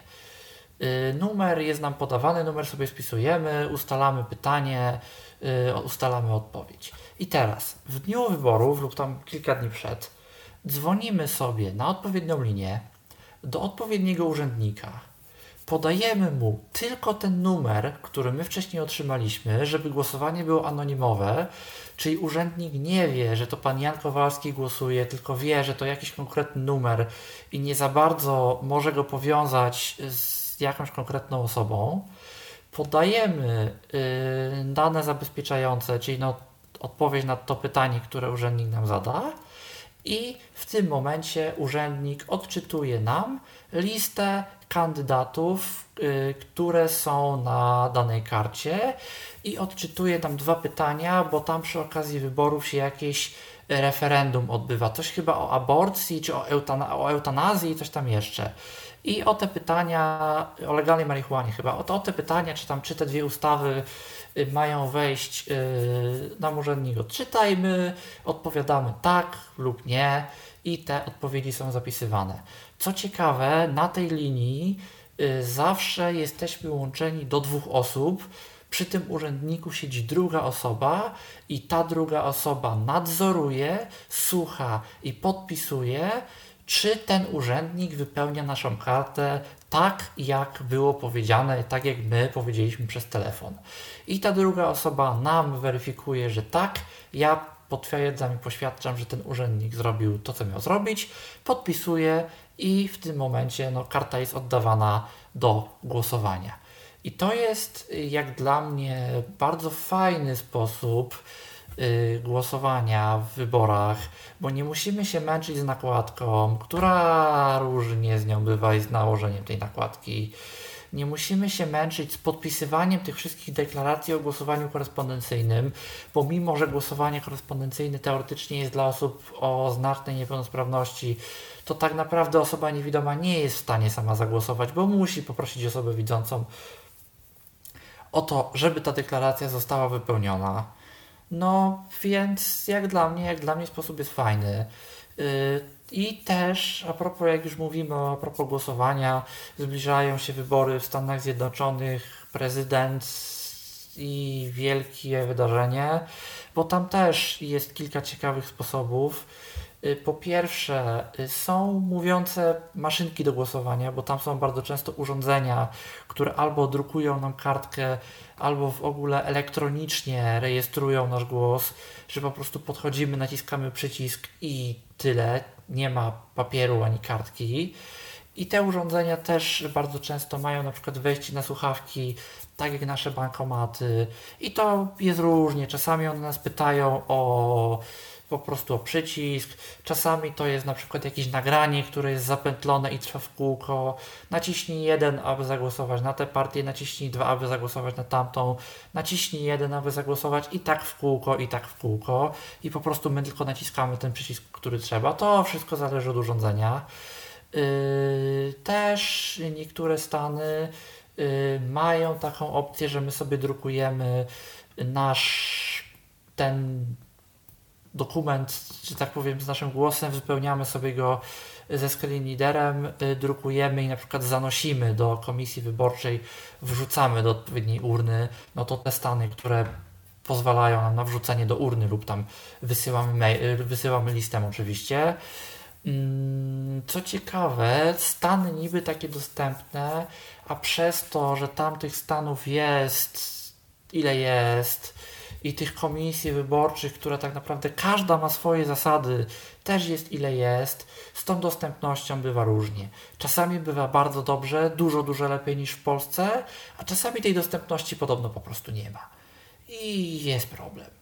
Więc tak patrząc na to wszystko, patrząc na te różne sposoby, uważam, że Polska jest gdzieś w takim dostępnościowym środku.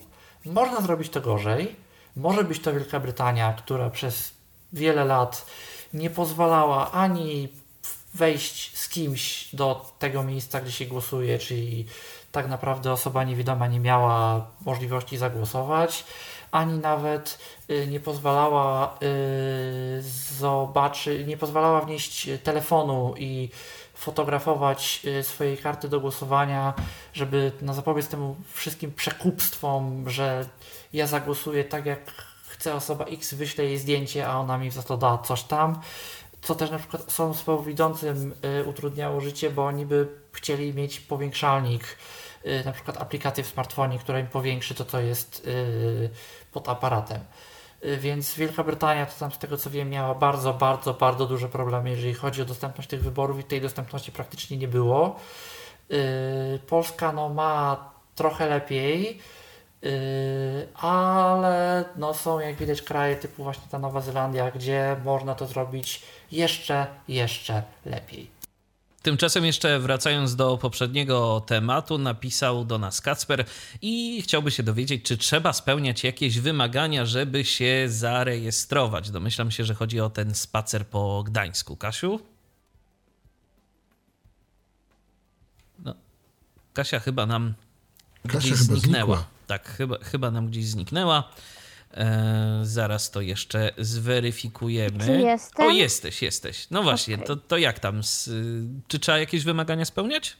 Nie, no myślę, że nie, po prostu to jest, no, wiadomo, że pewnie trzeba być niewidomym albo słabowidzącym, natomiast nie było nic w mailu, który do mnie dotarł o tym, żeby jakieś wymagania... z- Żeby jakiś skan orzeczenia tak. czy coś tego typu? Nie, nic takiego nie nie ma. Okej. Być może to jest tylko dla osób, które są w kiosku, ale nic takiej No, ale warto w każdym razie napisać, skontaktować się i Tak, wszystko będzie wiadomo. się. Tak. Y, Nic w internecie podobno nie ginie i użytkownicy archive.org, a w zasadzie webarchive.org w pewnym sensie y, dość dobrze o tym wiedzą. Natomiast y, pewnie też wiedzą o tym, że strona webarchive.org jakkolwiek dostępna jakoś jest, to mogłoby to być lepiej i jest lepiej.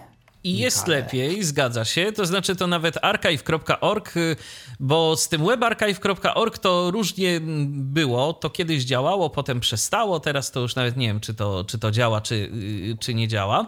Ale Nie, no jakoś działa, da się. Ale w każdym razie przez y, archive.org, kiedy sobie coś wyszukujemy, wyszukujemy sobie adres jakiejś strony internetowej, to tam jest zasadniczo dość spory problem dostępnościowy, żeby po pierwsze wybrać datę, z kiedy my to chcemy, to się da zrobić, a potem po drugie to przejść do zawartości tej strony, bo ona jest gdzieś tam jakby umieszczona wewnątrz y, czegoś, co tę stronę tak y, poniekąd oplata. To jest jakiś taki pasek narzędziowy, gdzie mamy mm, możliwość przełączania się między tymi zrzutami i tak dalej, i tak dalej. Y, Więc y, nie jest to proste y, i nie jest to takie wygodne dla użytkowników, czytników ekranu, ale mamy sobie taką stronę, która się nazywa theoldnet.com, czyli theoldnet.com.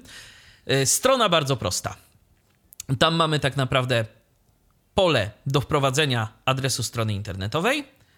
Później mamy listę, y, na której wybieramy rok. No i przycisk, za pomocą którego ładujemy stronę z archive.org.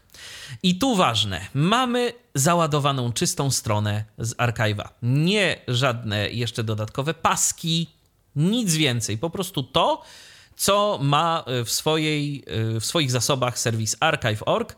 Problem zaczyna pojawiać się wtedy, kiedy oczywiście danej podstrony na przykład nie ma. No to wtedy zobaczymy, że tego zasobu nie odnaleziono. No i jest jeszcze jeden minus.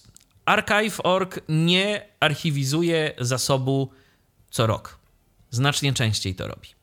I jeżeli bylibyśmy zainteresowani jakąś konkretną kopią strony z danego, powiedzmy, miesiąca, no to za pomocą tego serwisu nie wybierzemy tej kopii. Nie wybierzemy konkretnej daty. Wybierzemy co najwyżej rok, y, z którego chcemy otrzymać ten zrzut. Więc warto o tym pamiętać, ale jeżeli komuś zależy tak po prostu na zapoznaniu się z archiwalną wersją strony jakiejś sprzed iluś lat, no to jest możliwość, żeby to sprawdzić i to w bardzo wygodny sposób. Tak, to się zgadza. Mm, a teraz mamy różne strony, i stare, i nowe, ale strony są różnie dostępne i niedawno pojawiła się wtyczka, e, tak bardzo niedawno pojawiła się wtyczka, nawet dwie wtyczki, które mogą troszkę pomóc e, niektórym użytkownikom w tym, żeby strona jednak troszkę była lepsza. Nie każda strona, nie zawsze, ale Mikołaju, ty więcej wiesz na ten temat ode mnie. Tak, ja tylko. Z... O, tutaj już mam. Mm, są to dodatki AXS Hammer i AXS Grease. Y, Grease pisane, nie Greece, żeby nikt nie próbował w ten sposób. Y, I teraz tak, y, co to jest? AXS Hammer to jest dodatek dość nowy. Jest to dodatek do przeglądarki Mozilla Firefox, stworzony zresztą przez wspomnianego już tu dziś Jamesa Teka, który może poprawić, może pogorszyć dostępność stron internetowych. To jest dodatek, który jest po prostu zbiorem narzędzi, które my sobie włączamy nie zawsze, ale na konkretnych stronach, jeżeli podejrzewamy, że dane konkretne narzędzie na danej konkretnej stronie poprawiłoby nam dostępność tej strony.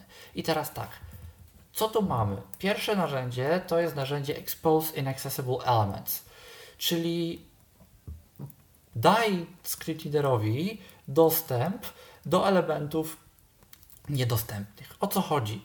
Bardzo często na stronach yy, znajdujemy tak zwane ikony. Ikony to są no, jakieś takie graficzne przyciski, w które my sobie możemy klikać, na przykład, nie wiem, przycisk usuń, to może być graficzna ikonka kosza. I teraz mamy na przykład listę jakichś elementów, Y, I teraz przy każdym elemencie mamy ikonkę kosza, mamy ikonkę y, powiedzmy krzyżyka, żeby oznaczyć element lub go odznaczyć, jeżeli to jest na przykład, nie wiem, lista rzeczy do zrobienia, żeby go odznaczyć oznaczyć jako zrobiony i mamy jakąś tam inną ikonkę, powiedzmy karteczki, y, która służy do edycji danego elementu. I teraz my, jako użytkownicy screenreadera, tych ikonek albo wcale nie zobaczymy, albo będzie to puste, puste, puste. I jeżeli tego jest ileś, to my nie za bardzo będziemy mieli pojęcie, co jest czym i o co z tym wszystkim chodzi i co tu klikać. Bardzo często jest na przykład tak, że mamy jakiś, jakąś liczbę i gdzieś przed, po tej liczbie y, są przyciski plus i przyciski minus, y, którymi to przyciskami możemy tę liczbę zmieniać. Na przykład, jeżeli kupujemy coś w sklepie internetowym i mamy do wyboru ilość sztuk, bo chcemy kupić więcej niż jedną i musimy kliknąć plus, plus, plus, plus 5 sztuk.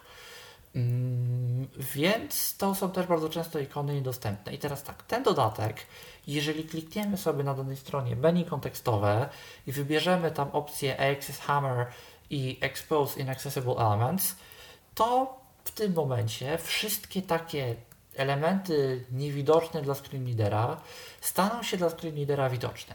I teraz tak, bardzo duża część tych elementów jest oczywiście niewidocznych, bo nie powinna być widoczna, bo to są tylko jakieś graficzne ozdóbki, które mało robią i nie są nikomu potrzebne, więc po prostu lepiej, żeby ich nie było. No ale jeżeli podejrzewamy, że tu coś powinno być, a nie ma, to możemy sobie coś takiego włączyć i w tym momencie, no mimo tych ozdóbek jest duża szansa, że my sobie dojdziemy do tego, do czego chcemy dojść. Te elementy, które nam się pokażą, będą widoczne dla screenera jako przyciski i yy, nazwą, etykietą tych przycisków będzie tak zwana klasa HTML, yy, które te, którą te elementy posiadają. I to jest bardzo często jakaś angielska, trochę zniekształcona i taka dość techniczna nazwa, ale ona bardzo często da nam jakieś chociaż pojęcie, co dany element robi. Czyli to może być, nie wiem, font Avesome, myślnik, icon, myślnik, trask. Ale to my już wiemy, że a, jeżeli to jest napisane trask, to znaczy, że to jest kosz, czyli że to jest usuń. Okej. Okay. Yy, I jakoś sobie poradzimy, wiemy mniej więcej co to jest. Drugie narzędzie, a raczej zestaw narzędzi, dotyczy yy, elementów ARIA, konkretnie elementów ARIA, które są używane na stronach źle. Po pierwsze, jest coś takiego jak ARIA Hidden, czyli to jest też kolejny z takich tagów, który służy do tego, żeby oznaczyć tego nie ma być widać dla screenreaderów. I bardzo często jest tak, że ten tag jest wykorzystywany źle. Były już takie przypadki, że była sobie strona, cała strona oznaczona Area Hidden i na stronie jedna linijka, osoby niewidome proszone są o kontakt plus 1 800 i numer amerykański podany. Czasami deweloper chce dobrze i wydaje się, że osoby niewidoma, osoba niewidoma z czegoś nie skorzysta, a jednak by chciała i zahidenuje całą tą taką, całe, całą jakąś sekcję na przykład. Czasami, nie wiem, zamkniemy jakieś okienko wyskakujące i o ile otwarcie tego okienka włączy na tej stronie hidden tak, żebyśmy my nie widzieli nic poza tym okienkiem, no co ma sens, o tyle przez błąd programisty zamknięcie okienka spowoduje, że to hidden nie zniknie. I w tym momencie nie możemy korzystać już ze strony. No to narzędzie nam ARIA Hidden kompletnie wyłączy. Czyli nawet jeżeli programista uważa, że screenreader tego widzieć nie powinien, użytkownik screenreadera przy włączeniu tego narzędzia z menu kontekstowego widzieć to będzie. Yy, co się podobno okazuje, są sklepy, które przycisk zamów ukrywają. Nikt nie wie dlaczego. I się okaże, że jak się to włączy, to się nagle przycisk pojawia. Możemy również y, wyłączyć tak zwane live regiony. Live region to jest funkcjonalność, która pozwala na to, żeby strona oznajmiała nam jakąś informację, jak ta informacja się zmienia. Na przykład, jeżeli mamy napisy w filmie, możemy ustalić jako programista, że to ma być live region i jeżeli zmieni się napis, to my go usłyszymy. Jeżeli przyjdzie wiadomość w czacie, to my i tak dalej, i tak dalej. Yy, niestety bardzo często zdarza się, że programiści przedobrzają z dostępnością i stosują mm, element live region do każdej zmieniającej się treści. Czyli na przykład mamy stronę i na dole strony mamy jakąś taką reklamę, czyli nie wiem, szybkie, proste, bezpieczne. To się zaraz zmieni na 0 zł miesięcznie. To się zaraz zmieni na zamów przez internet, zrezygnuj w każdej chwili. I tam nam przeskakują takie hasła. Te tak zwane slidery. Dokładnie. I ten programista, chcąc być super i chcąc być dostępny, zrobi to tak, że za każdym razem, jak nam to przeskoczy, to tam screenreader przeczyta, bo przecież jest treść, która się zmienia i przecież to musi czytać co z tego, jak my chcemy przeczytać sobie artykuł, a nam tu czytamy, czytamy wczoraj 0 zł miesięcznie. W Bydgoszczy ktoś tam to, to, to, to, to, to, to, to czytamy dalszą część artykułu.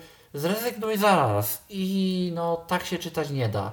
A niektóre gazety w Polsce stosują, chyba nie wiem czy Newsweek, która jest gazet, która z takich y, stron newsowych polskich wiem, że stosowała coś takiego akurat jeżeli chodzi o kursy y, walutowe, że tam się co kilka sekund zmieniały kursy walutowe i on nam za każdą zmianą tych kursów czytał euro tyle, funt tyle, frank szwajcarski tyle i nieważne, że my sobie chcieliśmy czytać artykuł o Robercie Lewandowskim, ciągle słyszeliśmy jak się zmienia kurs franka na przestrzeni kilku sekund.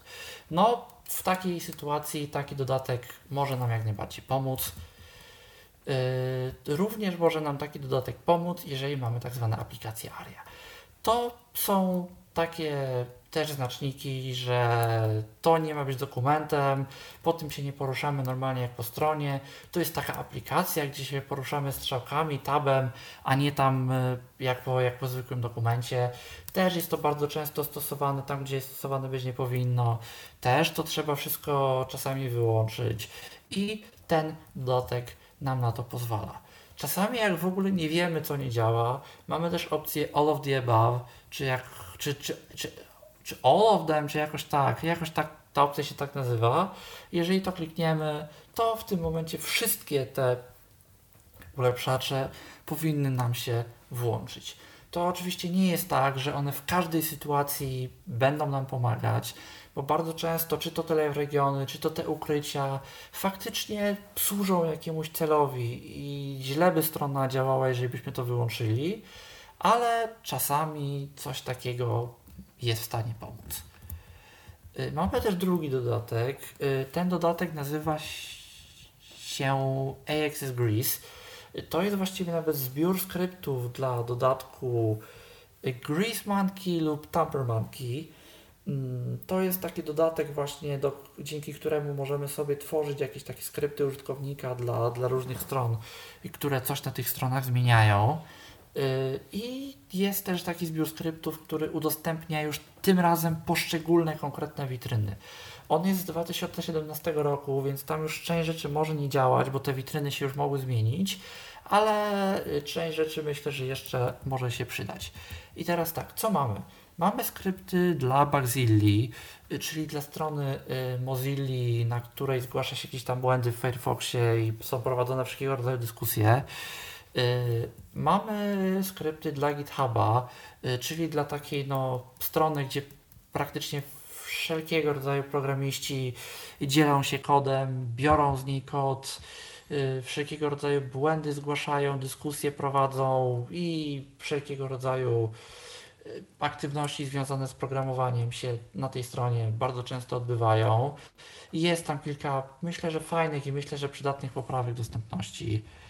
Y, jest poprawka, jest skrypt y, udostępniający nam tak zwane elementy windowless flash, czyli obiekty flash, które nie mają tego tak zwanego okna swojego i my jako użytkownicy screenreadera nie mamy opcji dojść do nich, bo nie jesteśmy w stanie po prostu fokusa przenieść na te elementy, no to dzięki dodatkowi Windowless Flash taką opcję już będziemy mieli. Oczywiście to też nie znaczy, że te elementy będą dostępne, no ale jest szansa, że może jednak. Yy, mamy też skrypty do monoraila, czyli też jakiegoś takiego systemu yy, dotyczącego Google Chroma i współpracy jakiejś tam programistycznej nad Chromem. Y, mamy skrypty do Slacka, y, czyli no jeżeli ktoś pracuje w jakiejkolwiek firmie, pracuje zdalnie, zdalnie, to jest duża szansa, że się ze Slackiem zetknął. Mamy skrypty do Telegrama Web, y, które są dość ciekawe, bo nam automatycznie odczytują nadchodzące wiadomości w danej konwersacji. Mamy skrypty do Trello i to też z tego co wiem jest bardzo fajna rzecz, bo Trello to jest narzędzie właśnie takie Y, stosowane bardzo często w firmach do organizacji zadań, do tworzenia list zadań i jest to narzędzie no, o różnej dostępności z tego co wiem. I te skrypty jakoś tę dostępność podobno poprawiają. Y, no więc jeżeli kogoś to interesuje, będą linki do obu tych dodatków. Można sobie pobrać, można sobie potestować, można Mikołaju, się pobawić. ale czy te skrypty są dla jakichś screenreaderów? Nie, to są skrypty do przeglądarki. Do przeglądarki. To są skrypty, y, instalujemy dodatek y, Grease Monkey lub Tamper Monkey w przeglądarce i pobieramy te skrypty, ładujemy te skrypty do tego konkretnego dodatku i one niezależnie od screenreadera w tej konkretnej przeglądarce będą robić swoje. Bo ten standard właśnie Monkey y, też stosują czasami widzący albo żeby sobie coś upiększyć, albo żeby sobie albo dodać... uprościć na przykład uprościć, y, tak. różnego albo rodzaju dodać, strony. Tak. To kiedyś tak było z wykopem, jak się mhm. nie spodobał użytkownikom nowy wygląd tego serwisu, no to był jakiś skrypt właśnie za pomocą którego można było to zmieniać. Tymczasem mamy telefon. Kto jest z nami? Witajcie, Krzysiek z tej strony. Cześć Krzysztofie, słuchamy. No ja tak odnośnie jeszcze tych nowinek, tu co Kasia mówiła o kolczykach, to y, szczerze mówiąc ja marzę, żeby była taka smart czapka, która by, prawda, pozwalała nam móc z niej dzwonić, móc z niej y, rozmawiać czy SMS-y pisać. może nie dzwonić, ale ja kiedyś czytałem, ja teraz tego w życiu nie znajdę, bo to było chyba 5 lat temu, ale kiedyś czytałem o, czap, o czapce z słuchawkami wbudowanymi, więc poszukaj, bo może coś znajdziesz. Mhm. No, a odnośnie tego, co mówiłem w tamtym tygodniu, e, to, to, to jakby odnośnie tych maszynek, no to moja przygoda z maszynkami, bo tu też będą przygody Kasi, no to tu też moje są przygody z maszynkami do golenia, niestety e, różne, różniste. No niestety tych maszynek dużo miałem elektrycznych do golenia i bezprzewodowych i, i, i z kabelkiem. Natomiast y, ostatnio y, poszedłem do Euro tutaj u nas w Jaworznie i chciałem kupić maszynkę, no to mi pan polecił Philips jest najlepszy, zależy jaki kto ma zarost i tak dalej, ale Philips najlepszy i tak dalej, i tak dalej. Niech pan nie bierze innych Brown, nie zda niczego i tak dalej. Y, po czym ogóle od wejścia do sklepu, y, jeżeli coś się chce ktoś zapytać, to zawsze jest y, hasło proszę iść tam, co jest dla mnie po prostu y, nie, niedopuszczalne, żeby po prostu chodzę sobie po sklepie, ruszam cokolwiek i nikogo nie ma, bo to, to jest dla mnie no, nie do pomyślenia, żeby coś takiego było z tekstem proszę iść tam, co nam to przecież nikt nic nie mówi tak naprawdę, jak sami wiecie przecież. To No, teraz w końcu- ja bym się zatrzymała przy tym na chwilę. Mm, Przy Mhm. tym, że mm, jakby polecaniu przez sprzedawców produktów. To działa tak. Jest taki filmik na YouTubie, mm, nie pamiętam już teraz z jakiego kanału. Co Mhm. najlepsze, albo sprawdzam jak. Już nie bardzo dawno to oglądałam, ale tam się wypowiadają byli pracownicy takich marketów, właśnie mm, elektromarketów, jak to działa. Są sobie mm, różne pułapy i różne punkty. I teraz na całym sklepie, na danych produktach są naklejki z ilomaś tam punktami. I po tych naklejkach, po tych etykietkach sprzedawca orientuje się, ile premii dostanie za to, że poleci i, em, i sprzeda dany produkt. Dany produkt. Też trzeba to już Aha. tak, też to już też tak przy okazji warto pamiętać o tym, że na wszelkiego rodzaju polecanki internetowe, to znaczy takie, gdzie jesteśmy w danym miejscu yy, i dostajemy opinie użytkowników danego produktu, że też trzeba bardzo zwracać uwagę, yy, bo Mhm. niekiedy jest po prostu tak, że te opinie są najzwyczajniej w świecie kupowane. Kupowane oczywiście. I po prostu Kupowane, ludziom się albo płaci za to, żeby. sklepu sama je sobie wrzuci. Też może I tak jest być. napisane 10 minut temu, ale super, kupiłem, uwielbiam. A to I to sprzedawca. 10 minut temu, 3 lata później nadal będzie 10 minut temu. No, to też prawda. Ale Czyli z Allegro warto... może być tak samo z tymi opiniami na Allegro. No, też No, może. Allegro jest Pewnie. trochę lepiej, bo na Allegro nie jest tak łatwo to zmanipulować. Gorzej jest na tych własnych stronach, Mhm. ale no. I na forach różnego trzeba rodzaju, w mediach, Dokładnie. w mediach społecznościowych to bardzo łatwo zmanipulować też wszelkiego No rodzaju też, Facebook i y, inne jeżeli tego typu mamy miejsca. takie artykuły, powiedzmy 10 ekspresów do kawy, no to wiadomo, że, znaczy no nie wiadomo, ale jest prawdopodobieństwo, że, art, że mm, jakby jakaś tam em, redakcja współpracowała e, tworząc ten artykuł Z jakąś producentami. firmą, która Albo z dystrybucją. Z producentami to jeszcze pół bidy, nawet gdyby współpracowała, bo tam może coś. Ale odnoszę czasami wrażenie, że e, redakcja nie tylko, że z nikim nie współpracuje, ale że dobra, machnij artykuł o ekspresach, dobra, nie znam się, machnę. Zrobił sobie pan redaktor trzyminutne wyszukiwania danych technicznych i w zasadzie to, co on znalazł, znaczy to, co on zrobił, że 10 nam jakichś tam najlepszych ekspresów do 2000 zł na przykład. To w zasadzie wziął dowolny sklep internetowy, e, zrobił sobie przegląd danych technicznych, czyli w zasadzie to coś, co ja se sam mogę zrobić i sobie na podstawie specyfikacji, która też nie wiadomo, czy aby się na pewno dobrze zgadza, robi sobie zestawienie 10 ekspresów do kawy. Równie dobrze mógłby to zrobić automat. No, Dobrze, ale To wracając, wracając do y, tematu. Krzysztofie, ty się z nami chciałeś jakimś konkretnym, y, jakąś konkretną historią podzielić, tak? No właśnie tak, tak, tak, właśnie odnośnie tych maszynek. No i, i kupiłem tego Philipsa, oczywiście on po jakimś czasie się zepsuł i moja wina była taka, że niestety e, paragony e, to jest zmora e, w ogóle, bo to potrafi zginąć gdzieś w tych pudełkach albo nieopatrznie się wyrzuci. No teraz jestem mądry, bo sobie kupiłem strzywacz i sobie zszywam przy pomocy osoby widzącej, czy, dobrze to zszyłem, do góry nogami przykładowo, no ale wtedy jeszcze taki mądry nie byłem, no i niestety e, podczas czyszczenia tej maszynki po jakimś goleniu tego modułu golącego, on po prostu się w drobny mak w rękach rozsypał i nie szło tego złożyć. E, Nie chcieli mi przyjąć, przyjąć reklamacji i, i w ogóle, a nawet jak już potem się ten paragon znalazł, to byli bardzo e, niemili i, i tak y, kupić fajnie, ale jak już trzeba przyjąć reklamację, nie wiem czy w każdym euro, ale tu w Jaworznie tak było, to już nie było tak miło, niestety. No to przykre. E, No i e, stwierdziłem, że zaryzykuję na Allegro e, z inną marką i wpisałem sobie maszynki do golenia Brauna foliowe i znalazłem taką fajną Brown Cool Tech.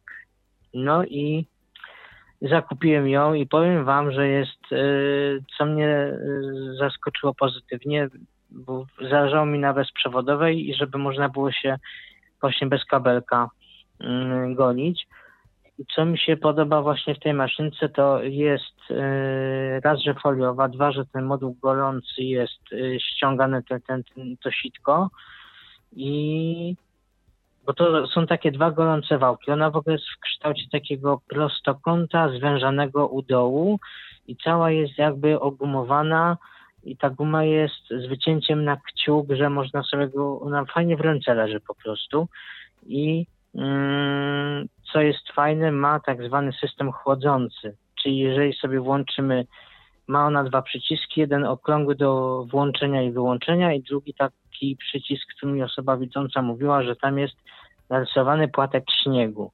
Jak my sobie włączymy ten przycisk, to tam pomiędzy tymi wałeczkami gorącymi w tym module go, gorącym jest taki metalowa taka blaszka, bym powiedział.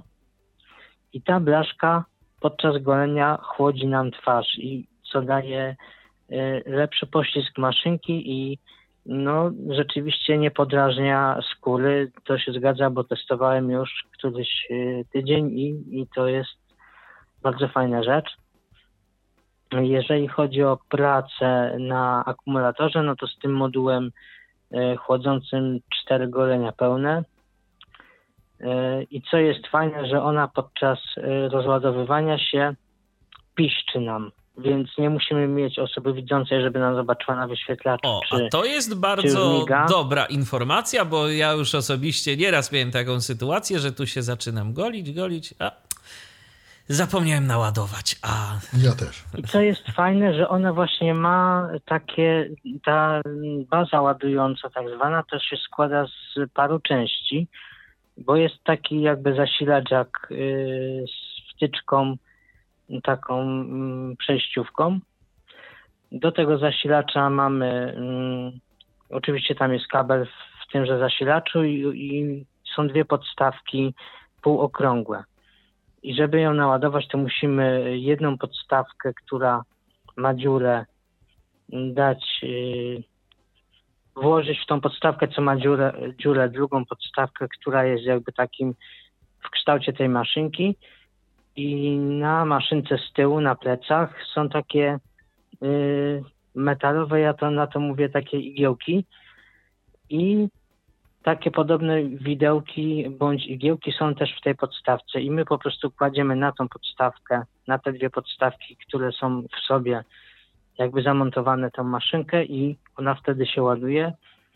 I to jest też fajne, że jak my ją kładziemy na ładowanie, to ona nam piszczy, że się ładuje. To jest też fajne. Natomiast Ja y, no minusem jest niestety to minusem jest niestety No. to, że nie piszczy nam jak się naładuje. No ale to już myślę, że że można też kogoś zapytać, ale no ja jestem zadowolony. Pierwsza rzecz taka elektroniczna z Allegro i, i naprawdę polecam. Bo, A czas ładowania ile? Yy, godzinka. Aha, czyli, czyli ten. Cena? Godzinka, godzinka yy, 249 zł. O, to naprawdę niedużo. Jak na tyle możliwości. Niedużo i powiem Ci Robercie, że tam jest też taka funkcja, że przykładowo nie dogoliłeś się, tak? Przykładowo i podłączamy ją na 5 minut i mamy te y, 15 do 20 minut po 5 minutach ładowania, że możemy się dogolić. Także to jest też fajne, że jak ją parę mm, przykładowo nie usłyszymy tego dźwięku, aczkolwiek on jest bardzo słyszalny i, i jak się wyłącza tę maszynkę, to ona piszczy to to jest słyszalne, natomiast jeżeli by się nie zdarzyło, tak zdarzyło, że się nie dogolimy, no to po pięciu minutach ładowania możemy się dogolić bez problemu.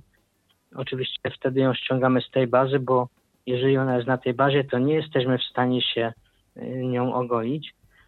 Ja chętnie bym pokazał, jak to działa, ale nie wiem, jak ona pracuje, ale nie wiem, jak to właśnie zrobić z tą, mm, czy będzie przez telefon słychać to, czy nie. Zawsze możesz, Krzysztofie, Nie, nagrać nie. jakąś prezentację po prostu i podesłać.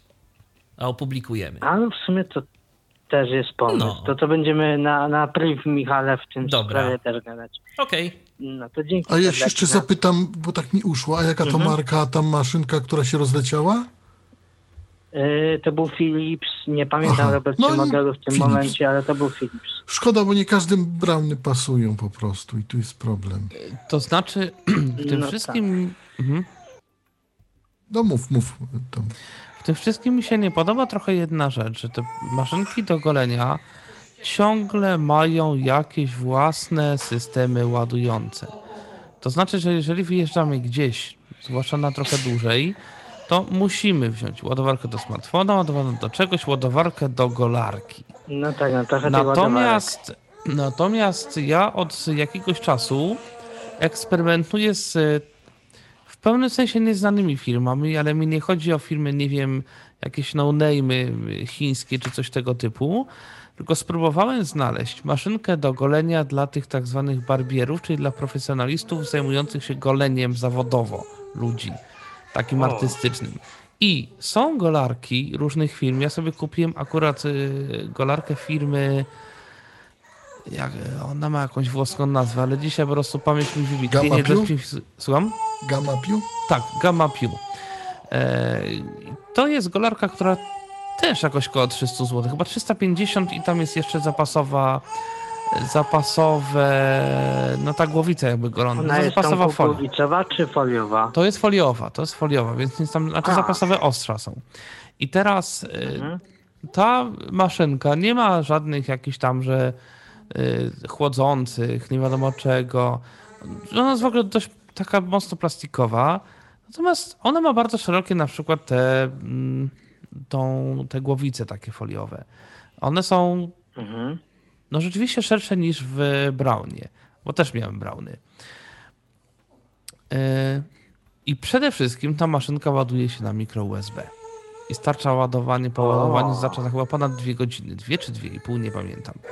Ale w związku z tym mogę sobie wziąć jeden kabel do smartfona, do golarki z jedną ładowarką i jakby ładować no, właśnie to kilka, kilka rzeczy, w tym golarkę, co no Podrzuciłbyś w komentarzu yy, przysiadł Pom- na ja-. To znaczy inaczej, nie wiem, czy ta golarka jest, znaczy mam nadzieję, że jest produkowana. Gamma Pew się firma nazywa, aczkolwiek ich to jest jedyna golarka. Kiedyś potem A słyszałem, że czy to nie jest akurat ta golarka, którą ona się też chyba sama e, oczyszczała? Nie wiem, ona się nie, ona nie ma jakichś systemów autoczyszczących, przynajmniej Bo nie wiem, widziałem. że coś takiego miałeś kiedyś, taką golarkę, że ona A to był, nie, nie, to był Brown. Brown ma w tych y, średnio lepszych modelach i w górę oczywiście taką bazę. Tam jest taki płyn na bazie alkoholu. Tak, tam nawet, na, nawet to wkłada macałem, się, tak. wkłada się tam golarkę. Ten płyn jest, y, tym płynem ta golarka jest czyszczona. No i teoretycznie, no to jakieś tam, no właśnie powoduje, że to jest wszystko dezynfekowane, to jest jakoś tam bardziej higieniczne. Nie wiem, no rzeczywiście pachniała ta golarka taką, taką, takim fajnym czymś. po takim zabiegu. Hmm. Y, No trudno mi ocenić, czy, czy to rzeczywiście działa, no bo, no bo, no bo nie. Y, To też było parę, parę ładnych lat temu, z 12 czy 13, kiedy miałem tego larkę. Y, Na razie mam tego, tego mapiu. I w ogóle można sobie wpisać właśnie golarki dla barbierów, czy coś tego typu, bo to jest ich ileś. No tam Gamma to jest jedna z wielu i to chyba też podobno wcale nie taka najlepsza. Bo to jest jedyna golarka tej firmy, ta firma ponoć suszarki robi do włosów, takie profesjonalne. No też Jakieś z tego tego co wiem, to Remingtony też robiły suszarki, golarki też się na Remingtona kiedyś napaliłem i oczywiście po miesiącu wzięła, była zdechła. E, ja to mam mm, pecha do golarek, już się tu znałem i wszyscy śmieją, że będę chyba testerem, bo co kupujesz, to za chwilę musisz reklamować.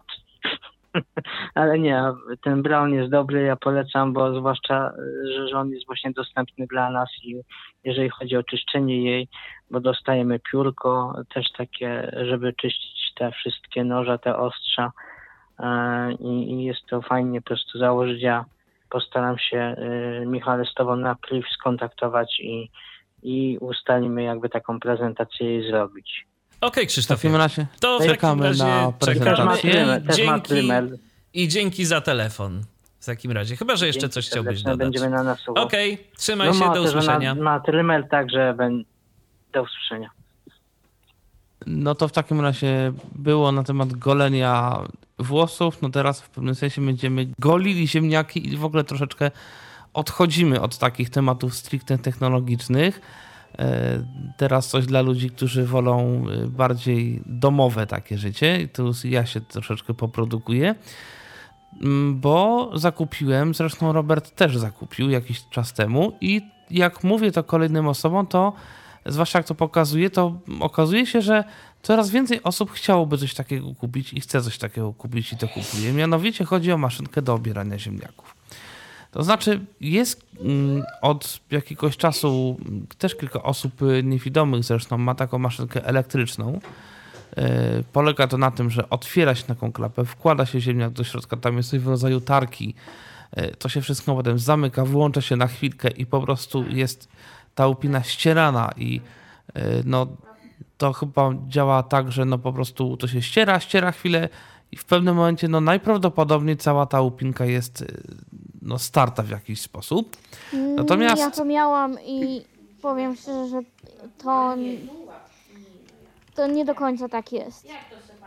To rzeczywiście są jakieś takie tarki, które ścierają, mm, ale to bardzo, bo to jest kilka ziemniaków, w to wkładasz, więc one się obierają bardzo nierównomiernie. Jeden będzie obrany aż zanadto i będzie pół ziemniaka startego, a drugi Właśnie nie będzie też tak wcale. Trochę też tak podejrzewałem, ale no nie chciałem Nie, to, i robić to jakiegoś, takie, jakiegoś tego. Natomiast, tego. natomiast jest jeszcze alternatywa, w dodatku tańsza, bo mechaniczna, kosztuje to 30 chyba 8 zł w tej chwili. Nazywa się to Kinghoff KH 1293, sobie sprawdziłem niedawno. Urządzenie wygląda absolutnie nie nowocześnie, nie artystycznie. To trochę wygląda jak urządzenie wy, wyniesione trochę z garażu. Taka śruba, taki pręt nagwintowany z trzema bolcami, które są zatkane taką, taką zawleczką, znaczy taką, taką nakładką. Kor, korbeczka mała, znaczy korbka do kręcenia i nóż, który nie do końca wygląda jak nóż. To jest taki jakby ktoś kawałek pierścionka urwał, tylko z bardzo ostrego metalu.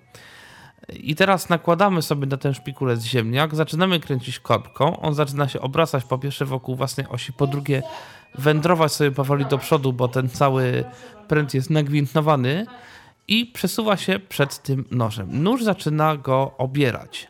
Troszeczkę, możliwe, że można by porównać z do kebaba, jeżeli ktoś wie jak to działa, bo to chyba troszeczkę podobnie wygląda. W każdym razie mm, schodzi taka bardzo długa łupina. Bardzo często jest tak, że cały ziemniak jest e, jak jest mm, obrany, to jest taka jedna ogromna, ogromniasta łupina, która ma półtora metra długości. I w większości przypadków prawie cały ziemniak jest y, obrany, natomiast z reguły zostaje odrobinka na początku tego ziemniaka i na końcu, czyli tam, gdzie jest ta no, nałożona na tym szpikulec. I czasami, jeżeli jest bardzo jakiś nierównomierny kształt, no to też gdzieś w jakichś takich bardzo dziwnych załamaniach coś potrafi z tej łupinki zostać. No i jedna rzecz. Ogromne ziemniaki i malutkie ziemniaki nie bardzo jest sens tym obierać. Ogromne ziemniaki, takie naprawdę te takie oporowe, naj, największe po prostu się tam nie do końca zmieszczą. Natomiast w przypadku malutkich, typu jak piłeczka ping-pongowa, no będzie obrana, nie wiem, 3 czwarta albo połowa tego ziemniaka, więc i tak trzeba będzie go e, w jakiejś tam części obrać ręcznie. Niemniej w przypadku takich średnich ziemniaków to może działać dobrze. Jedna uwaga, niestety to trzeba sobie troszeczkę ustawić, dlatego że e, niestety, znaczy stety lub niestety, domyślnie ta maszynka kroi dość cienko, ale tam jest sporo luzu, czyli te końcówki, które zostają, są dość duże. One ze 3-4 cm nawet mają czasami średnicy, więc w przypadku nawet średnio takich no, mniejszych trochę ziemniaków, no, czasami też jest obierana tylko część, więc y, tam jest kilka śrubek, które to wszystko regulują i warto sobie wyregulować. Te upinki wtedy są troszkę grubsze, ale za to ten ziemniak rzeczywiście potrafi być obrany, no może nie w 100%, bo to się nigdy nie da, ale no w bardzo dużej części. Tam jest jeszcze taki drugi element, który potrafi z ziemniaka zrobić taką spiralę. Wiecie, są takie, to się nazywa temperówki do warzyw, żeby no właśnie zostało obrane w taką, w taką spiralę artystyczną troszkę i to można sobie potem... To jest do frytek belgijskich, tych takich kręconych. Mhm. O może, nie wiem. Ale to można odkręcić. To trzeba odkręcić. Tak, no jeżeli chcemy po prostu sobie obrać, no to się odkręca i, i wtedy po prostu sobie obieramy. I to można, nie wiem, ziemniaki, jabłka, pewnie jakieś gruszki, może jakieś inne owoce. I rzeczywiście, no, obranie jakby tą maszynką takiego jabłka to jest kwestia, nie wiem, może 10 sekund. Potem to z reguły trzeba troszeczkę poprawić, natomiast tych poprawek jest bardzo niewiele. E, te ziemniaki mają bardzo taki specyficzny kształt. W ogóle już parę osób widzących mówiło, że jak się je obierze, to to, to dość ładnie wygląda w ogóle. Dlatego, że ten ziemniak jest właśnie w taką ozdobną spiralkę obrany. To jest wszystko bardzo takie równe i jak właśnie kilka osób tym, tym obierało, albo ja im pokazywałem, to o, ale fajnie ten ziemniak wygląda, szkoda go kroić. także, e, także no, to jest, y, to jest no taka, taka dosyć ciekawa, ciekawa kwestia związana z tą maszynką. No i w takim razie chyba przechodzimy do następnego. Zanim przejdziemy do Aha. następnego, to jeszcze tu mamy komentarz od y, Agi, która napisała do nas tak. Ja mam suszarkę do włosów z firmy Gama, która ma jonizację podczerwień i ozon. Jestem z niej bardzo zadowolona, polecam. E, także to taka informacja, gdyby ktoś był również zainteresowany tego typu Są do sprzętem. kupienia, kosztują drogo.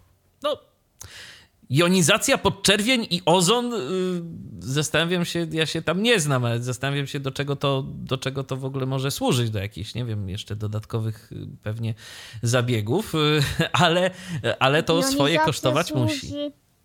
Jonizacja służy do, mm, przede wszystkim do tego, żeby ci się włosy nie elektryzowały, mm, do takiego wyrównania właśnie jonów dodatnich i ujemnych ozon no to jakby też oczyszcza e, powietrze wokół tych włosów i ogólnie włosy.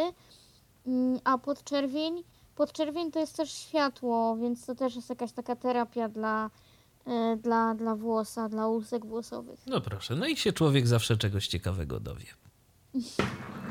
To w takim razie przechodzimy do tematu może chyba podobnego do tego, o czym mówiliśmy jakoś czas temu w Tyflo Przeglądzie, czyli o oznakowaniach brajlowskich w Warszawie, które się pojawiają. To nie koniec świata, tylko moja starsza córka. Projekt Świadomy Niewidomy, stworzenie oznakowania w alfabecie Braille'a w całej Warszawie zdobył 16 475 głosów i został wybrany do realizacji z budżetu obywatelskiego w 2021 roku. To jeden z 18 ogólnomiejskich i 341 dzielnicowych projektów wybranych do realizacji. Projekt skierowany jest do osób niewidomych i słabowidzących i ma być realizowany w 17 dzielnicach. Jego cel to oznakowanie najważniejszych obiektów użyteczności publicznej, urzędów dzielnic, biur miasta stołecznego Warszawy, ośrodków pomocy społecznej, obiektów kulturalnych i sportowych, tabliczkami zawierającymi informacje z napisami w alfabecie Braille'a. Zostaną one umieszczone w miejscach łatwo dostępnych dla osób z dysfunkcją wzroku. Etykiety brailleowskie z tekstem będą informowały o godzinach pracy instytucji. Braillem oznakowane zostaną także pokoje, w których załatwiane są sprawy osób słabowidzących i niewidomych, a także numery pięter czy numery telefonów do konkretnych działów urzędów. Na przygotowanie potrzebnych oznaczeń zostanie przeznaczonych 850 tysięcy złotych z budżetu obywatelskiego stolicy. A teraz... I przypomniało Tak? mi się metro. Metro A, jeszcze. Oby nie to. Mam nadzieję, że to jest lepsze. A teraz będzie. A teraz będzie kryminalnie. Tak naprawdę. Tak, teraz będzie kryminalnie, bo rzeczywiście tak. e, Jak się nam żyje niewidomym w Polsce? No, większość wie. A jak się żyje niewidomym w więzieniach? O tym powstał artykuł, żeby nie było, nie testowałem, nie sprawdzałem, nie zamierzam. Ale, Ale gdyby tak kiedyś gdyby, podcast z tak. więzienia, to, to no, ale- ciekawe, czy ktoś... nie byłby to, to tyle głupi pomysł, że myślę, że byłoby coś takiego do załatwienia. Jakby nie mówię, żeby ktoś przestępstwo popełniał, ale po prostu poprosił i zadzwonił, że chciałby zobaczyć, zwiedzić, odwiedzić takie miejsce. Myślę, że miałby taką możliwość. Ale nie o tym, o tym jak się żyje y, w więzieniach osobom niewidomym, bo powstał właśnie reportaż na ten temat. Jest y, zakład karny w Bydgoszczy, Fordonie bodajże, y, który to ma pięć bodajże cel dla osób z no, problemami ze wzrokiem, dla osób niewidomych. Przy czym najczęściej z tego przynajmniej co wynika z tego artykułu, do tych cel trafiają osoby ociemniałe, osoby, które straciły wzrok. No z tego co wiem i z tego co się gdzieś kiedyś tematem interesowałem, to są najczęściej osoby, które tracą wzrok właśnie w wyniku tego, za co trafiły do tego więzienia. Czyli czy to jakieś rany od broni, inne najczęściej urazy spowodowane przez innego człowieka, z którym no, doszło do jakiejś utarczki. Konfrontacji. Dokładnie. I z tego powodu osoba trafiła do więzienia. No czasami zdarzy się i tak, że no, osoba trafi do więzienia jako osoba ociemniała. W tym więzieniu to jest, to się nazywa bodajże przebywanie w trybie terapeutycznym poza oddziałem, czy jakoś tak. Mają kursy z orientacji, z bra, z samoobsługi, yy, z tego, no, jak żyć i się zaaklimatyzować do życia jako osoba niewidoma. Dostają w zakładzie przewodnika, który ma im no, pomagać chodzić po budynku. Yy, Co ciekawe, dla osób niewidomych są to cele dwuosobowe. Yy, Każda osoba ma- od 4, chyba tam 3 do 5 metrów kwadratowych. Osoby niewidome na przykład, w przeciwieństwie no, do innych więźniów, mają prawo wnosić do cel urządzenia elektroniczne, wnosić tyflosprzęt. No bo nie wiem, więzień nie jest w stanie czytać książkę, książkę, a osoba niewidoma musi poniekąd używać, nie wiem, powiedzmy odtwarzacza. Robi im się jakieś ustępstwa. yy, A ciekawe jak na przykład z białymi laskami, bo tak w sumie teoretycznie to biała laska to może mogłaby być wykorzystana jako jakaś broń. Nie wiem. Trzeba by wystosować, bo tam jest nazwisko podane. Myślę, że jeżeli by ktoś zapytał, to dostałby odpowiedź. No okej, to słuchajcie, to myślę, że możemy przejść dalej. Tak, przechodzimy razie. do naszej drugiej działki w Tyflo Przeglądzie, czyli Technikalia. I teraz podejrzewam, coś, na co parę osób mogło czekać. Przygody Katarzyny, czyli o tym, że czasami opłaca się naprawić zegarek. Tak jest. No właśnie moje przygody będą pozytywne, bo tutaj e, Krzysztof miał takie dosyć smutne przygody, natomiast no to, co mnie spotkało, nie zdarza się często. Mam takie wrażenie. Jakież było moje zdziwienie, kiedy oddałam do naprawy mój zegarek od Michael Korsa, e, miałam problem z głośnikiem. Jeżeli ktoś jest z okolic Łodzi i wie, jak y, działają głośniki w starych tramwajach w Łodzi, jak harczą i zupełnie zmieniają kształt i rozumienie mowy i tego, co, co jest na tych plikach dźwiękowych w tramwaju, to tak mniej więcej zachował się mój zegarek, więc no musiałam go oddać do naprawy. To e, zegarek był prezentem e, m, dla mnie, więc generalnie zajmowała się tym osoba, od której to dostałam, e, ale no właśnie e, mój mąż zawiózł zegarek do naprawy, no i powiedział, jaki jest problem. Oczywiście złośliwość rzeczy martwych jest taka, że, że głośniczek pięknie dzwonił i pięknie grał, więc trudno trochę to było pokazać. No, ale jakoś nie sprawdzali za bardzo, powiem szczerze. No i co się okazało? Okazało się, że w ramach mojej dwuletniej gwarancji, ja mam zegarek rok,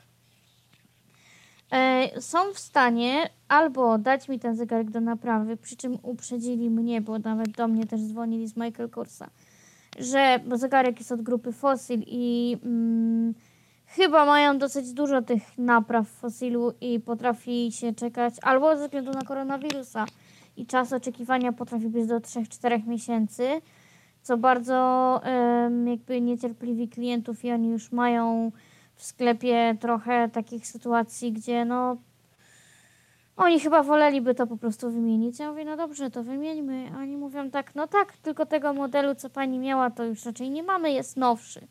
Ja mówię, aha, czyli co ja muszę dopłacić?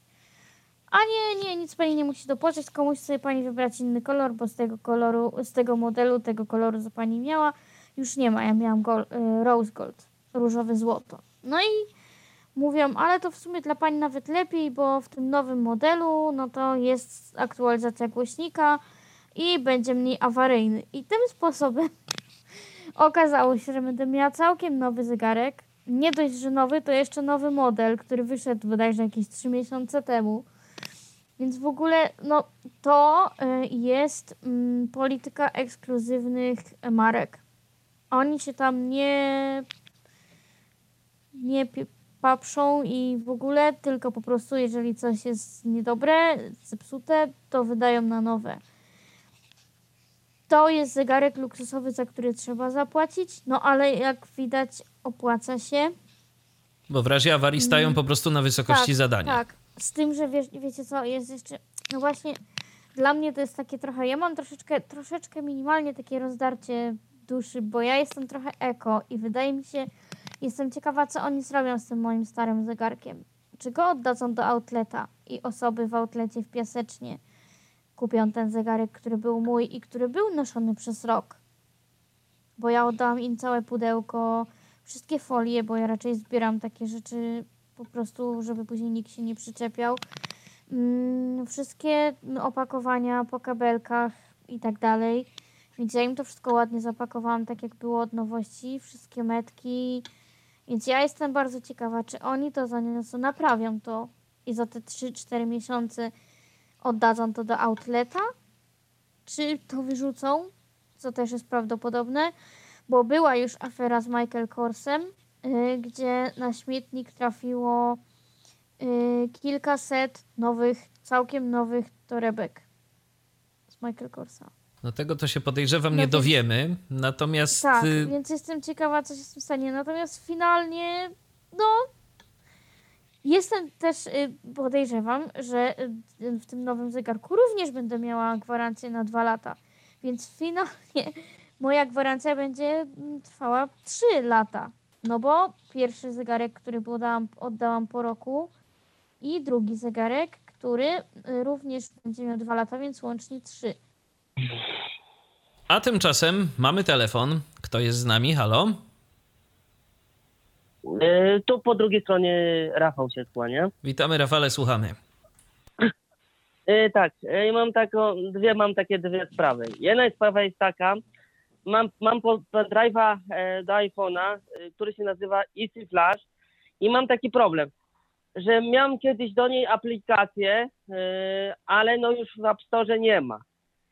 I teraz moje, pytanie brzmi, czy jakbym kupił przejściówkę e, z wejścia e, Lightning na USB takie zwykłe, y, czy by wtedy widziałby iPhone tego pendrive'a, czy nie?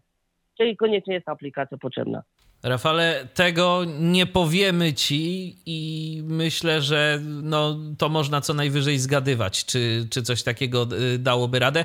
Teoretycznie powinno, ale pamiętaj, że Apple nie ma jako takiej udokumentowanej listy urządzeń, y, które wspiera. Mhm. Nigdzie tego nie da się znaleźć. To Mhm. jest zawsze chybił trafił. Albo się uda, albo się nie uda. Z moich obserwacji pendrive'y raczej są wykrywane, Natomiast- natomiast może Mhm. nie być.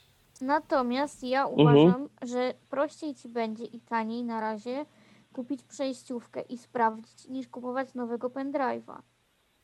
Więc jeżeli znajdziesz, bo to Mhm. naprawdę nie są drogie przejściówki, to są grosze. No nie, Kasiu, przejściówka z USB na Lightning to wcale nie jest taka tania Aha, sprawa. To tam to się powyż... wycofuję. to, to powyżej stówki kosztuje, jak dobrze nie, to pamiętam. rzeczywiście. Nie, nie, to jest ta, taka to przejściówka, Mhm. plus y, w tej przejściówce mamy gniazdko USB, mamy y, port USB i mamy do tego jeszcze mm, slot na kartę pamięci. Więc A, to nie, to nie, to nie, to ja się wycofuję z tego, co mówiłam. W takim Aha, to jeszcze kartę pamięci można jeszcze, tak? tak.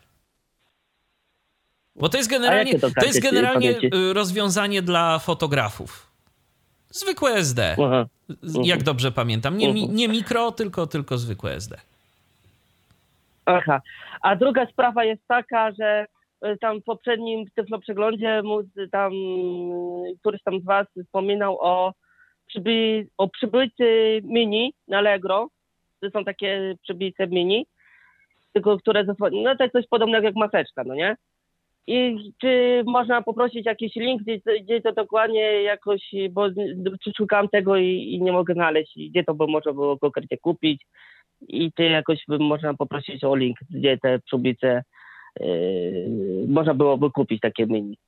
To znaczy, najlepiej w ogóle wpisać mini przyłbica na właśnie wyszukiwarkę i tego będzie, Mhm. nie wiem, Sporo. kilkaset. Mhm. Ale to na Allegro? To, to w ogóle tego jest coraz więcej w różnych sklepach. No ja trafiłem nawet na mini przyłbicę w sklepie z jakimiś ciuchami, zdaje się, na bazarku gdzieś tam u mnie w pobliżu domu. Mhm. Drogie takie coś? Taka mini przyłbica to z reguły od 10 do 20 paru, czasami 30 zł, jak jest droższy sklep. Mhm. To dziękuję za wszelkie informacje, to by było wszystko. Dziękujemy Rafale Dzięki. za telefon. Do usłyszenia. Chociaż nawet są jeszcze mniejsze te przyłbice, ale chyba te mniejsze, te mini przyłbice to chyba będą miały problem, żeby, och, żeby e, no i usta i nos No tak. Zasłaniały, bo z reguły te mniejsze to na przykład mają 7 cm wysokości i tu może być pewien problem z Ja ustami nosem. widziałam te także takie mini, mini przyłbice i to są y, dedykowane dzieciom małym. Natomiast one nie mają nic takiego. Ja nie widziałam jeszcze tych mini przyłbic, o których ty mówiłeś, Tomku, że one mają jakieś takie miękkie wykończenie na nos i tak dalej. Po prostu te dziecięce, które ja widziałam, to jest jeden wielki twardy plastik i na to jest nałożona taka klisza. I to tyle. Dobrze. No co E, chciałem powiedzieć, że teraz wszedłem na Allegro, wpisałem mini przyłbica i tutaj naprawdę mnóstwo wyszło.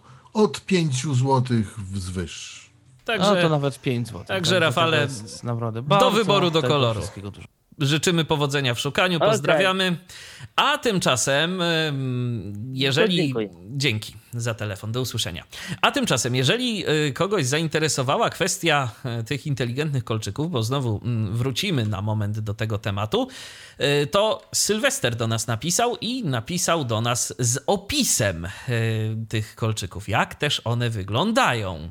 Jeśli chodzi o kolczyki, o których była mowa w audycji, to mają one kształt dwóch połączonych łez. Mniejsza łezka przylega do ucha i pewnie służy jako głośniczek, a większa, wisząca, służy do połączeń telefonicznych i innych funkcji. Kolczyki są gładkie w kilku kolorach. Jest też e, w kształcie małej łyżeczki, e, całe e, w cyrkoniach.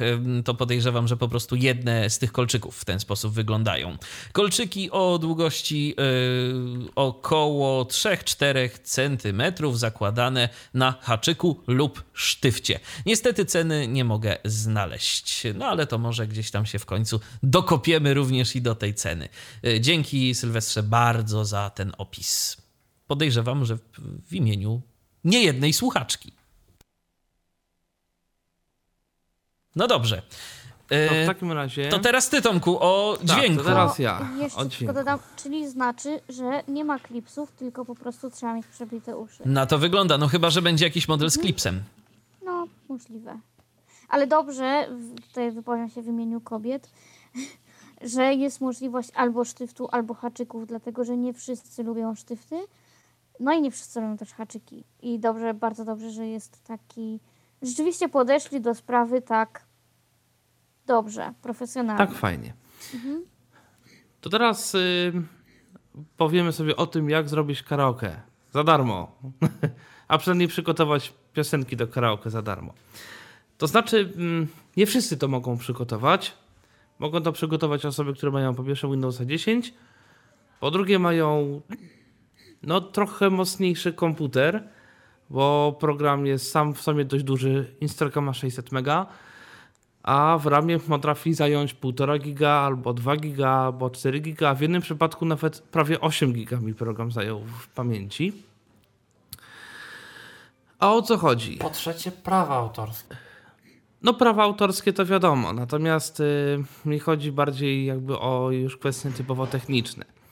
Natomiast natomiast tak, program jak się rzekło jest za darmo i program służy do wywalania no między innymi wokalu, bo nie tylko wokalu z piosenek w taki sposób y, automatyczny, to znaczy ładujemy sobie plik do programu i program automatycznie ten plik rozdziela na plik zawierający ścieżkę wokalu i ścieżkę no, akompaniamentu, powiedzmy. Oczywiście, no to ma jakieś tam artefakty. To nie jest tak, że on wyciągnie ścieżkę studyjną i jakiejś studyjnej jakości, absolutnie.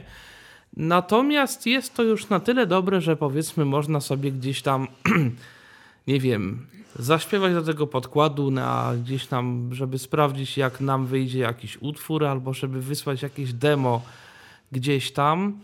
Odbidy na jakiegoś YouTube'a typu zobaczcie jak śpiewam, prawda? I, I, tutaj sobie jakąś fajną piosenkę. Oczywiście uwzględniając prawa autorskie, bo chociaż tu akurat sprawa jest bardzo skomplikowana. W każdym razie mm, program teoretycznie jest bardzo prosty. I nawet jest dostępny. To znaczy może inaczej. Tak w ogóle mm, Splitter, bo to się tak nazywa, Spleeter, to jest biblioteka. Biblioteka, która jest no, taka raczej biblioteką programistyczną, trochę jak Lame swego czasu bardzo często był, czyli był sobie no exec, tu jest nawet nie exec, tylko tu jest kod źródłowy, który można sobie albo skompilować, albo coś z nim pozmieniać, bo to jest wszystko na GitHubie. No i ktoś napisał tak zwany GUI, czyli frontend, czyli no taki program, który ma za zadanie obsługiwać tylko tę bibliotekę. Program jest ogromny, bo tam oprócz biblioteki jest Python. Najprościej mówiąc. Bo, bo no, to jest biblioteka do Pythona, czyli języka, no, jest w języku programowania Python i no cóż, w związku z tym, że ten algorytm wykorzystuje sztuczną inteligencję, więc sieci neuronowe, no to po prostu te sieci neuronowe, no to zajmują trochę miejsca w ramie zazwyczaj jak pracują, zajmują dość sporo procesora. I mimo, że program jest wielo, znaczy ma obsługę wielu rdzeni, u mnie na czterordzeniowym procesorze, może leciwym, bo on ma w tej chwili ze 6 lat, ale swego czasu no, to była topowa specyfikacja tego procesora. E, no to przerobienie takiej piosenki to, no to trwa z pół minuty powiedzmy, co może nie jest jakoś specjalnie długo, no ale jednak to nie jest tak, że to się robi w sekundę. Program jest dostępny, mało tego deweloper mm, specjalnie tam robił jakieś rzeczy, żeby to było rzeczywiście dostępne, więc jest szansa, że ten program nagle nie zrobi nam niespodzianki i będzie niedostępny, bo, bo, bo jakby deweloper zdaje sobie sprawę z problemu i bardzo dobrze. Program jest w ogóle no rzeczywiście dostępny. Tam nie trzeba używać praktycznie obiektówki, czy jakiegoś tam kursora myszki, czy JAWS kursora. Wszystko da się zrobić z tabu, klawiatury. Program jest oczywiście w języku angielskim. Jest kilka lokalizacji na inne języki, ale polskiego nie ma, przynajmniej na razie. Program się rozwija. E, tam ostatnia wersja jest przez paru miesięcy, ale możliwe, że będzie coś nowego wychodziło. Zobaczymy. Nawet można sobie pobrać nową wersję albo tego GUI, albo nową wersję tej biblioteki, jakby na której on sobie działa. A ta biblioteka też jest chyba rozwijana tam co jakiś czas, no bo, no bo tak to jest z tymi różnymi projektami GitHubowymi. I dość taka ważna rzecz, bo ja na początku trochę się zakręciłem, jeżeli chodzi o obsługę, bo ona teoretycznie jest prosta, ale czasem jest kilka dziwnych rozwiązań. Ponieważ tak, musimy wybrać folder docelowy, czyli folder, do którego będzie program sobie te ścieżki zapisywał. E, musimy wybrać na ile części jakby będzie podzielony utwór, bo można zrobić tak jak mówiłem, czyli wokal plus akompaniament, ale można zrobić tak, żeby program podzielił na cztery takie elementy cały ten utwór, czyli wokal, bas, bębny i cała reszta. I teoretycznie można zrobić, żeby program jeszcze do tego wszystkiego dodał ścieżkę fortepianu osobno. Tylko fortepian działa bardzo średnio. E, I to przynajmniej na tych ścieżkach, na których testowałem, to przynosi więcej szkód niż pożytku. Mm, natomiast trzeba najpierw wybrać, na ile części będzie utwór podzielony, i dopiero wtedy można nacisnąć przycisk, żeby e, tam choose, no wybierz plik do przetworzenia. Czyli najpierw wybiera się to, co Opcje, chcemy zrobić, a dopiero potem a... z czym. Tak. I na, jak wybierzemy ten plik, to on już go zaczyna robić. Tam nie ma przycisku proces, przycisku start czy coś. Po prostu wybranie pliku źródłowego powoduje, zaczynamy robotę. E, I przy następnym uruchomieniu program zapamiętuje sobie nasze. Tak, zapamiętuje? Albo nie? Chyba zapamiętuje sobie ostatnie ustawienia. Mm, natomiast ważne jest to, żeby najpierw wybrać wszystkie opcje, a potem dopiero załadować plik, bo w przeciwnym wypadku program nie zacznie działać i zacznie roboty. U mnie program działa dobrze.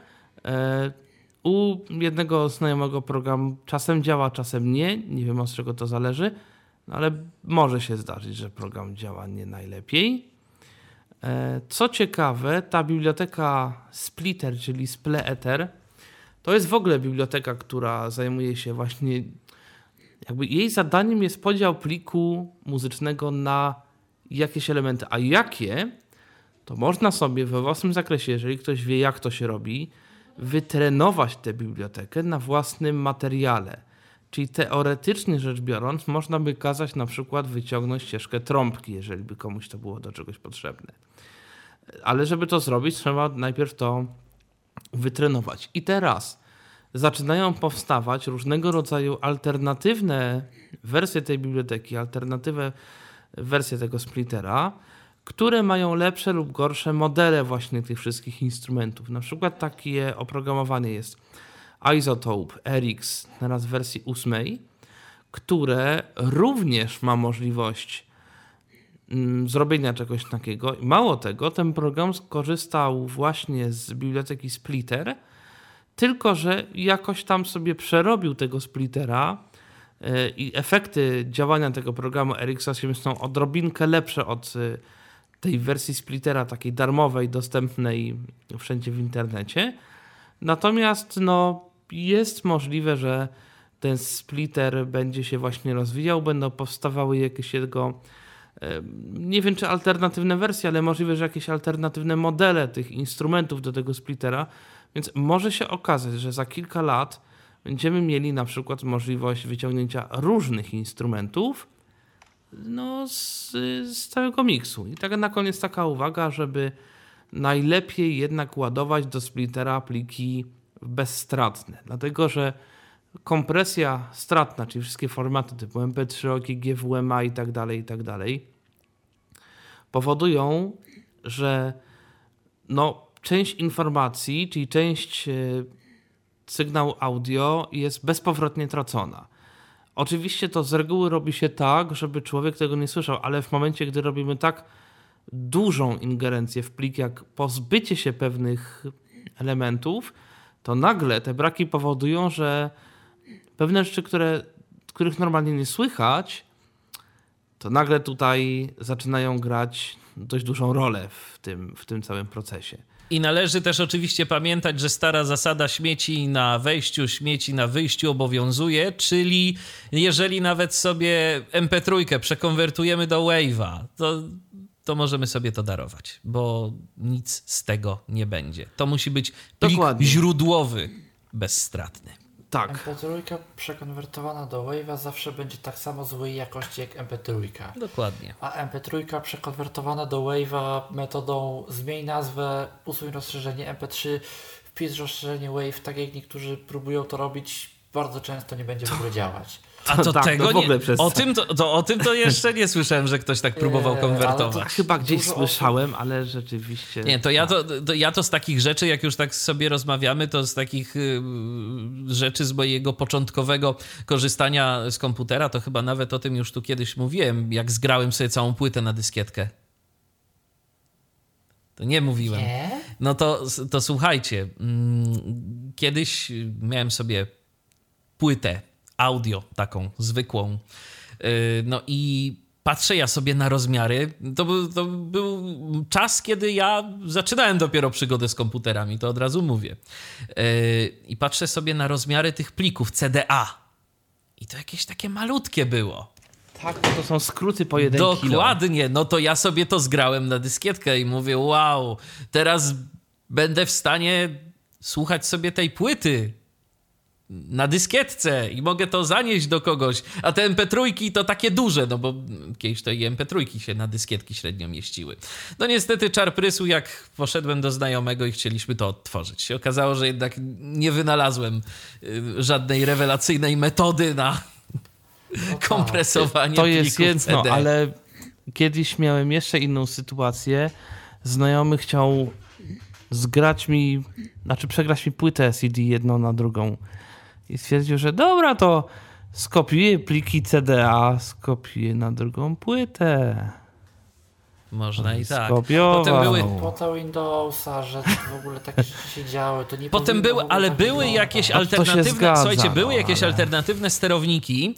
E, potem można sobie było to zaimplementować w systemie, że jak widział pliki CDA, to on je jakoś konwertował w locie na wave'y i pozwalał zapisać na dysku. Coś takiego później ktoś mhm. ale stworzył. To, to są takie no podstawowe błędy, właśnie skopiowanie pliku CDA, konwersja pliku przez zmianę jego rozszerzenia i próba rozpakowania zipa z, usuwając .zip z końca. Ale A to, tak, o tym to ja nie słyszałem. Ale to tak, ale widzicie, to różne rzeczy y, każdy z nas popełniał i to nie jest tak, że my tu teraz sobie tak siedzimy i opowiadamy o tym wszystkim i opowiadamy wam o różnych technologicznych rzeczach, że my to wszystko wiedzieliśmy od, od razu, każdy z nas swoje musiał napsuć i teraz jeszcze niejednokrotnie nam się, nam się zdarza coś popsuć. Jedno było, to u nas y, wiem, że strasznie był z tym kiedyś problem. Pliki MP3 i próba odtworzenia ich na wszystkim i nic ich nie umiało odtworzyć, bo się okazało, że to były pliki MP3 DRM. A. A do tego trzeba internetu. No tak, to się zdarza. Y, I teraz tak na koniec będziemy sobie mogli poczytać. Michała. Tak, będziemy tak. sobie mogli poczytać archiwum magazynu Chip. Y, ci wszyscy, którzy e, pamiętają, to, mm, to być może, którzy, którzy mają trochę dłuższy staż, jeżeli chodzi o używanie komputerów, to być może pamiętają, było kiedyś takie papierowe czasopismo z płytą. No to kiedyś to było coś, bo można było sobie co miesiąc y, kupić takiego właśnie chipa, sporo programów. Stamtąd się na przykład nowe wersje Winampa zdobywało y, i różne inne rzeczy, bo te płyty były naprawdę całkiem nieźle dozbrojone, jeżeli chodzi o, y, o tego typu kwestie i nie trzeba było tego ściągać z internetu, bo to długo trwało. E, ale oprócz płyty, to oczywiście w chipie były treści. I zupełnie przypadkowo, czegoś tam ostatnio szukając w internecie, wyobraźcie sobie, że trafiłem na archiwum chipa dostępne online. Jeżeli ktoś ma ochotę zacząć sobie lekturę od początku, y, kiedy to teksty dostępne są w sieci, wystarczy wpisać chip.pl ukośnik 1997. Y, czyli wniosek prosty od 1997 roku. Y, teksty z chipa dostępne są w wersji elektronicznej. Jeżeli ktoś chce sobie powspominać, jak to tam kiedyś bywało, z czego się kiedyś korzystało, y, jakie programy były używane, jakie technologie kiedyś były w użyciu, a jeszcze o DOSie tam od czasu do czasu też się wspomina. Owszem. Albo na przykład o reformie informatycznej ZUS-u się wspomina, mm, która mam wrażenie, że cały czas trwa. No to, to można sobie poczytać w chipie. Mm, I zapraszamy do lektury. Natomiast szkoda, że nie ma archiwum tego magazynu komputerowego. Tak, a to też, było, to też było fajne swego czasu. W stacjach radiowych było to wypuszczane i to było naprawdę fajnie zrobione, jeżeli chodzi o produkcję. Naprawdę całkiem, całkiem do rzeczy to ktoś zrobił. Kim no. chyba miał w ogóle jakieś takie swoje laboratorium też mm, Tak, badawcze. oczywiście. To znaczy, no to się tak nazywało. Oni tam to po prostu brali na testy różnego rodzaju sprzęty. Mhm. Badań to może oni nie prowadzili, ale testy, a i owszem, i to były testy zazwyczaj dość y, rzetelne i dość y, takie szczegółowe. Jak oni brali na testy ileś y, podzespołów, no to tam było tych kilkadziesiąt jakichś płyt głównych, jakichś procesorów, dysków twardych. Mhm. Tam można było naprawdę sporo sporo z tych testów wyczytać. To zawsze chip tym dobrze stał. komputer można było sobie dobrać stamtąd. Owszem, na podstawie tego.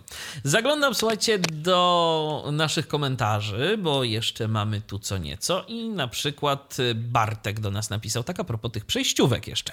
Generalnie przejściówki do iPhone'a nie są tanie. Gdy byłem ostatnio w sklepie, dowiedziałem się, że przejściówka z Lightning na Jacka kosztuje ponad 100 zł. No niestety, to jest prawda. Mamy jeszcze od Piotra wypowiedź na temat przyłbic. Ja dostałem za chyba jakieś 10 albo parę dziesiąt. Yy, moment, bo to jest jeszcze tak. Dość ważna tutaj rzecz. Nie kupujemy generalnie kabli, przejściówek, akcesoriów mini, jakichś takich, takiego sprzętu, który się zużywa i który trzeba kupić od czasu do czasu. W sklepach typu euro czy innych takich, e, bo z tego co wiem, e, to te sklepy sporo na nich zarabiają. To znaczy, chodzi o to, mm, jeżeli kupujemy telewizor, to z reguły czytamy, gdzie jest taniej. Więc te wszystkie sklepy muszą być konkurencyjne i trudno na nich zrobić jakąś sensowną marżę. Więc telewizor 50-calowy kupujemy dość tanio. No ale do telewizora trzeba kupić uchwyt, trzeba kupić kabel HDMI, trzeba kupić coś tam jeszcze. I na tym te sklepy podobno zarabiają. Oczywiście pomijając kwestie jakichś tam usług dodatkowych, typu jakieś uruchomienie, Owszem. konfiguracja i tak dalej, i tak dalej. To tak jest... naprawdę z tego żyją sklepy, nie ze sprzedaży. To jest jedna rzecz, słuchajcie, ale ja tu chciałbym zwrócić uwagę jednak na tę kwestię, y, o której była y, mowa, czyli ten konkretny przypadek, jeżeli chodzi o Apple, e, bo to jest tak, że z akcesoriami do Apple'a, gdzie mamy jakąś tam powiedzmy firmę no name, to możemy trafić dobrze albo możemy trafić źle. To jest loteria. Czasem zdarza się tak, że jakieś y, takie przejściówki, bo oczywiście można do Apple'a kupić coś taniej. To się zgadza ale niejednokrotnie może się okazać, że ta tania przejściówka, która teoretycznie powinna działać, nam po prostu działać nie będzie. Tylko wiesz co, mi chodzi nawet o sytuację taką, gdzie e, ten sam kabel, ten samej firmy. A nie, to ja e, się zgadzam. Tak. W jakimś sklepie typu mały sklep z elektroniką, pan Jasiu będzie kosztował złotych 20, a w euro będzie kosztował złotych 50. 50, tak, tu masz Tomku całkowitą rację. Natomiast no, ten konkretny przypadek z Apple to trzeba na to po prostu uważać, bo, tak. bo może być I- różnie. Ale to jest to, o czym mówiliśmy. Niestety Apple to jest firma dla ludzi bogatych, którzy mają swoje wymagania, ale są w stanie za nie zapłacić odpowiednio. Taki prosty przykład. to Dziś, dziś właśnie mój ojciec y, przyjechał i się pyta, czy, czy ja mam jakiś kabel do y, tego, do iPhone'a, żeby mu pożyczyć. Bo kupił sobie kabel. Mm, Też w jakimś sklepie. I widziałem ten kabel, to, to, to, to zdecydowanie nie był kabel y, taki Apple'owy. To, y, No tylko się okazało, że on po prostu tak ładuje co chwilę. To znaczy raz ładuje, a potem się okazuje, że, że nie ładuje. I to taka. No, mój taki super piękny kabelek dwumetrowy, y, pokryty tym takim splotem, że chroniony przed wszystkim. Dwa tygodnie podziałał i tyle by było z kabla. No to więc na te. 10 zł dałem. Więc na te akcesoria to trzeba też uważać, yy, bo w przypadku Apple to czasem może się naprawdę okazać, że wtopimy. Yy, To znaczy, ja wam mogę powiedzieć e, o akcesoriach, na których nie wtopimy, a są tańsze. To są akcesoria Ankera, jak również akcesoria Rokata i Bezusa. O, Baseus to się pisze. To, to, to myślę, że możecie sobie spokojnie zainwestować i nie stracicie na tym. Natomiast wszystkie inne, to tak jak Midzi mówił, trzeba uważać. Oj, trzeba. Natomiast zaglądamy do komentarzy, bo tu jeszcze a propos przyłbic się Piotr wypowiedział. Te mini przyłbice dla mnie są niewygodne, ponieważ uciskają nos, a te duże mm, z kolei, przynajmniej ja miałem takie wrażenie, trochę przesłaniają odczucie przestrzeni. No coś w tym rzeczywiście może być. Trochę coś w tak, tym jest. Tak, coś Y, w tym jest. I Ja przepatrzyłem, jak wyście tutaj y, rozmawiali, trochę tych ofert y, przyłbic. Jest coś takiego zawsze na Allegro już od pewnego czasu jak opinie. Niełatwo do tego się dostać, ale można od biedy. I słuchajcie, problem z tymi mini przyłbicami jest taki, że często ludzie właśnie narzekają, że są za małe. Więc trzeba naprawdę to chyba jakoś przymierzyć czy coś. Nie polecałbym kupować tego przez internet, yy, no bo może A być czy ja się powiem inaczej? naciąć. E, Ja myślę, ja myślę sobie tak, że po prostu no, ja mam ja kupiłem sobie niedawno taką przyłbicę 12 cm szerokości to ma i chyba 20 długości i to jest moim zdaniem takie minimum, które rzeczywiście jest w stanie coś z tym sensownego jakoś tam zakryć. Lepiej, gdy jest, by było 15 cm szerokości. Natomiast najgorsze są rzeczywiście te, te gumki, czy te systemy generalnie zawieszania na, na nosie. Są też takie mini przyłbice, które się zawiesza, czy które się przymocowuje do brody, a nie do nosa.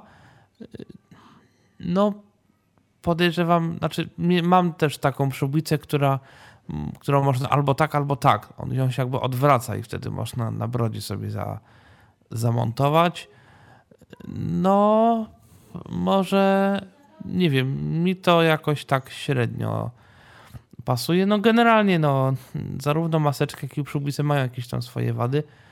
No ale żyjemy teraz akurat w takim momencie jesteśmy, w którym wychodzenie z domu bez maseczki lub przyłbicy, oprócz jakby pomijając kwestię nawet już tego, że tam zarażamy innych, y, znaczy może potencjalnie możemy Potencjalnie, tak. innych, no to po prostu możemy się narazić na mandat, który teoretycznie niektórzy mówią, że jest niezgodny z tym albo z tamtym. No tylko czy komuś się potem Tylko- chce ciągać po sądach?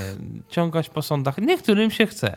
No to wtedy, jeżeli, Ale- jeżeli komuś się chce i komuś się uda wygrać sprawę, to niech nam y, po, to niech się z nami podzieli jakimiś y, informacjami. Natomiast jedna, tak, jeszcze to- taka, to jest- jedna jeszcze taka rzecz a tym propos przyłbic i maseczek, to teraz się robi coraz chłodniej, więc, y, więc i te maseczki nie będą dla nas aż takie bardzo uciążliwe. I To, to tyle dobrego.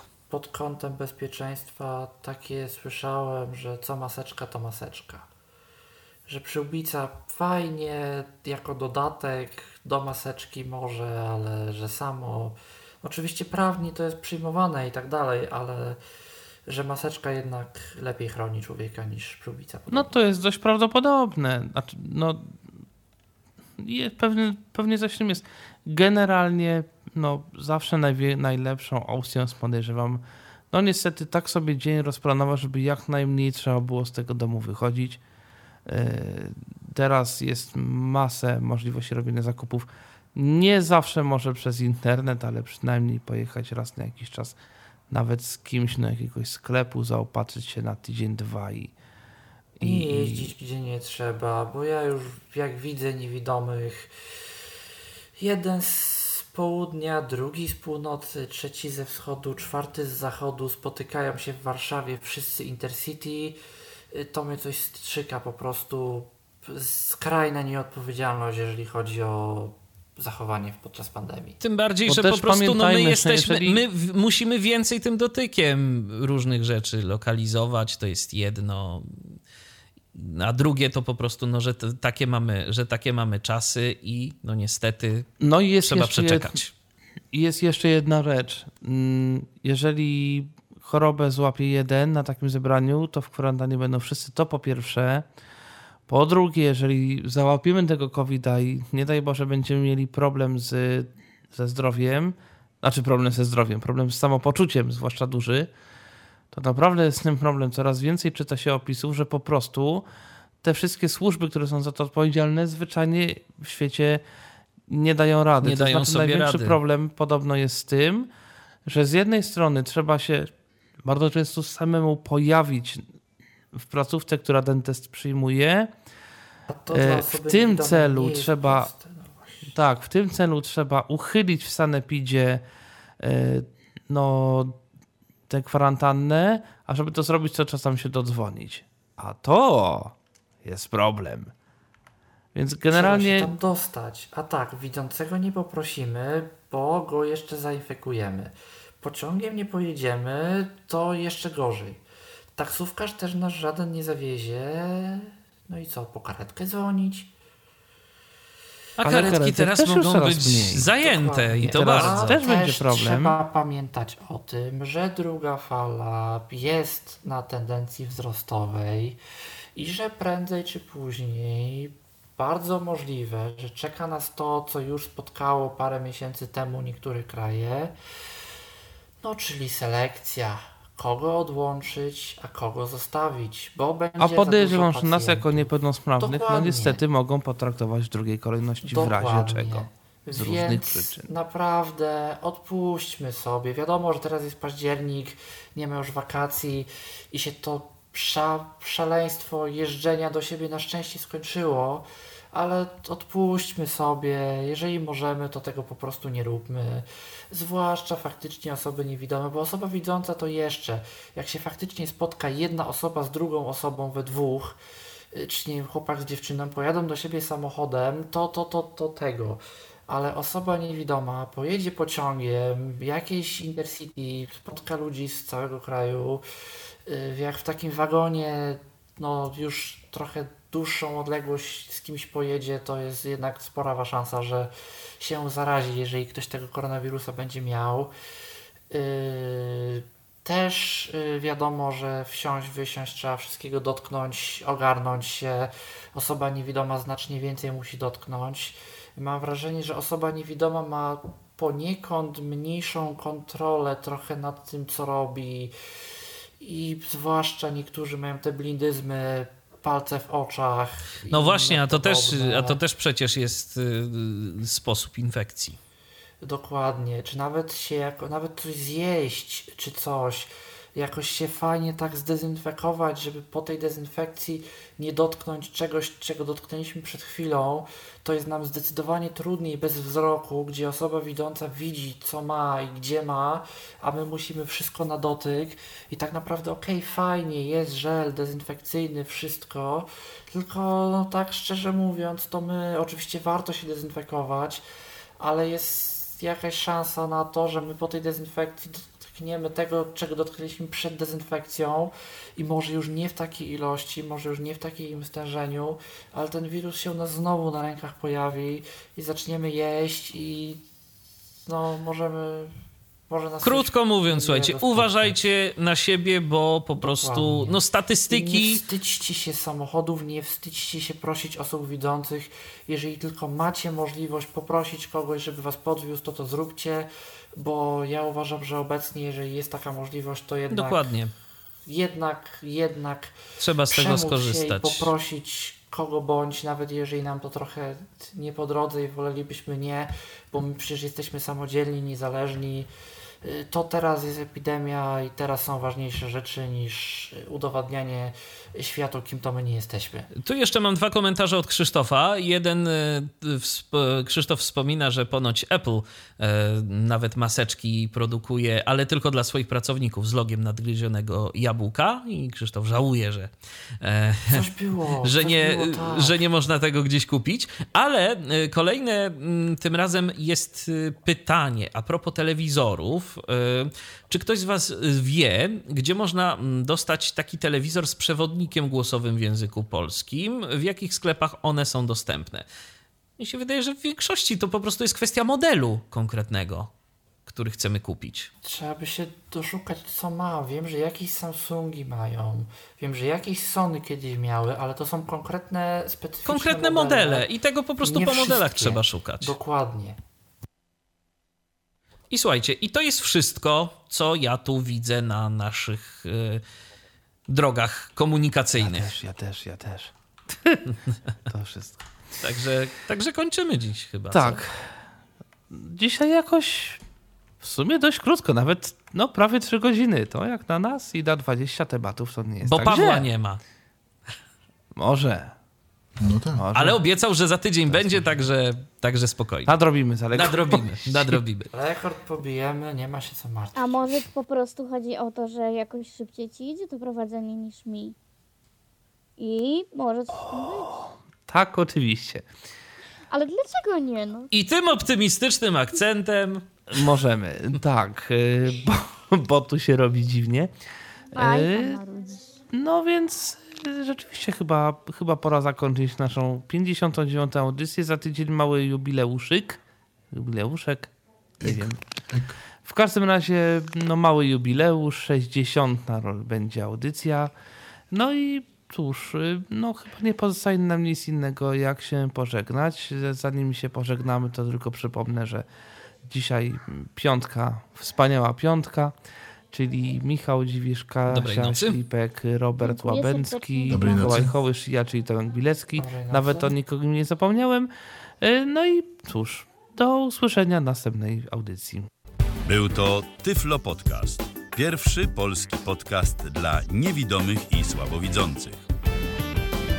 Program współfinansowany ze środków Państwowego Funduszu Rehabilitacji Osób Niepełnosprawnych.